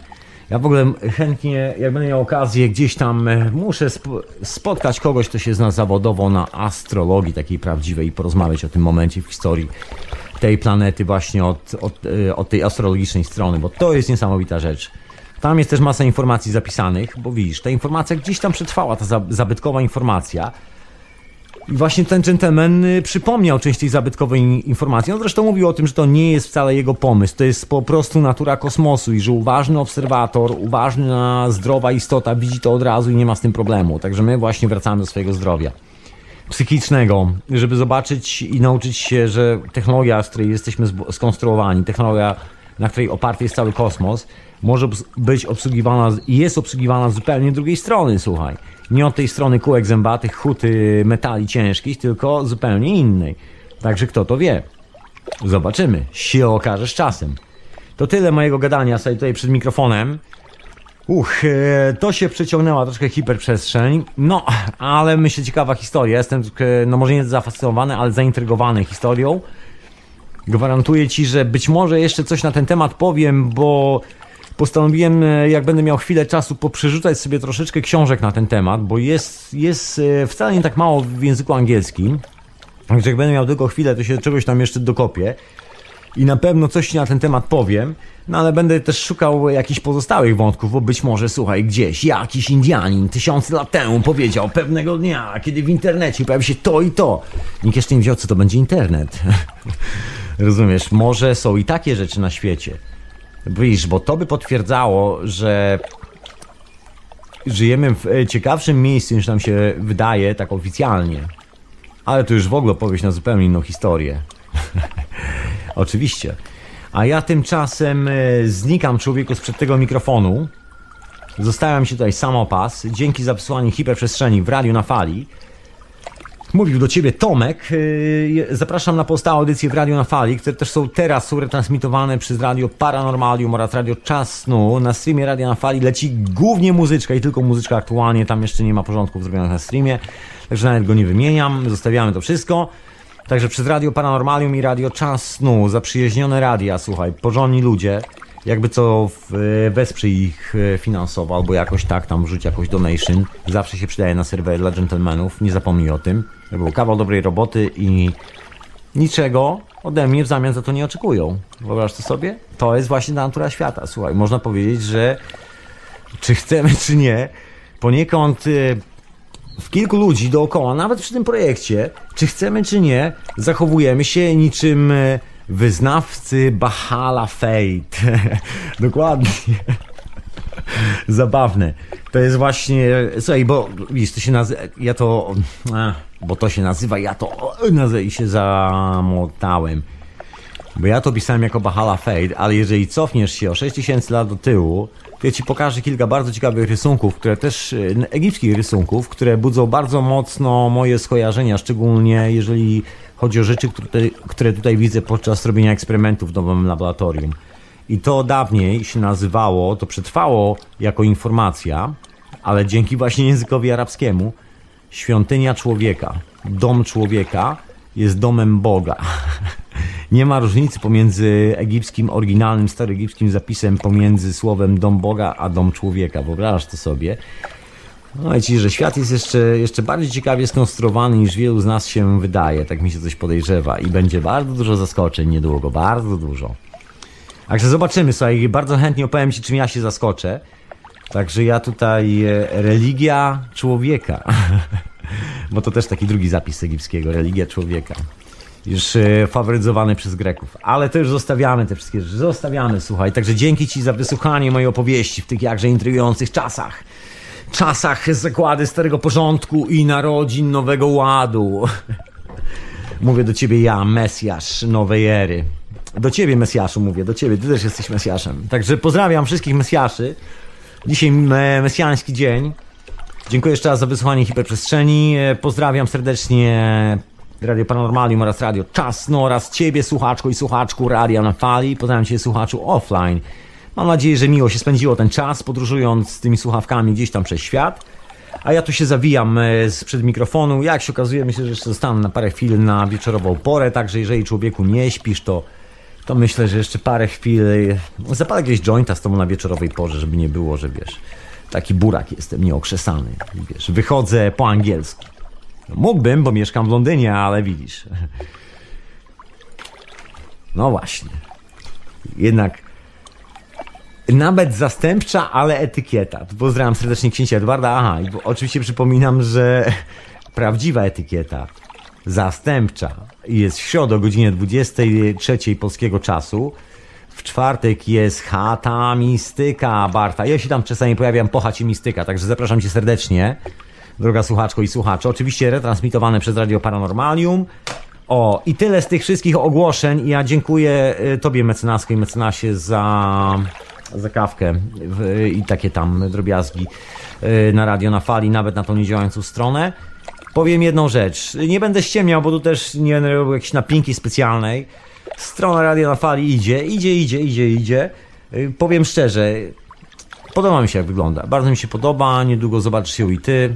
Jest naprawdę nice. Tam jeszcze chcę porobić kilka rzeczy, to jeszcze parę chwil, ale to co już jest, naprawdę, you gonna love it. I love it, you gonna love it too. Czyli mówiąc po polsku, a nie anglosasku, ja ją kocham i ty będziesz kochał. Starosłowiańskim akcentem. Tymczasem y, znikam człowieku. Dzięki za wysłuchanie hiperprzestrzeni. Trzymaj się w zdrowiu i do usłyszenia następnym razem. A jak jesteś tu żywcem, duchem i ciałem, zostań na, hiperprze- na wieczorową porę. And love, człowieku. Słuchałeś radia na fali. .com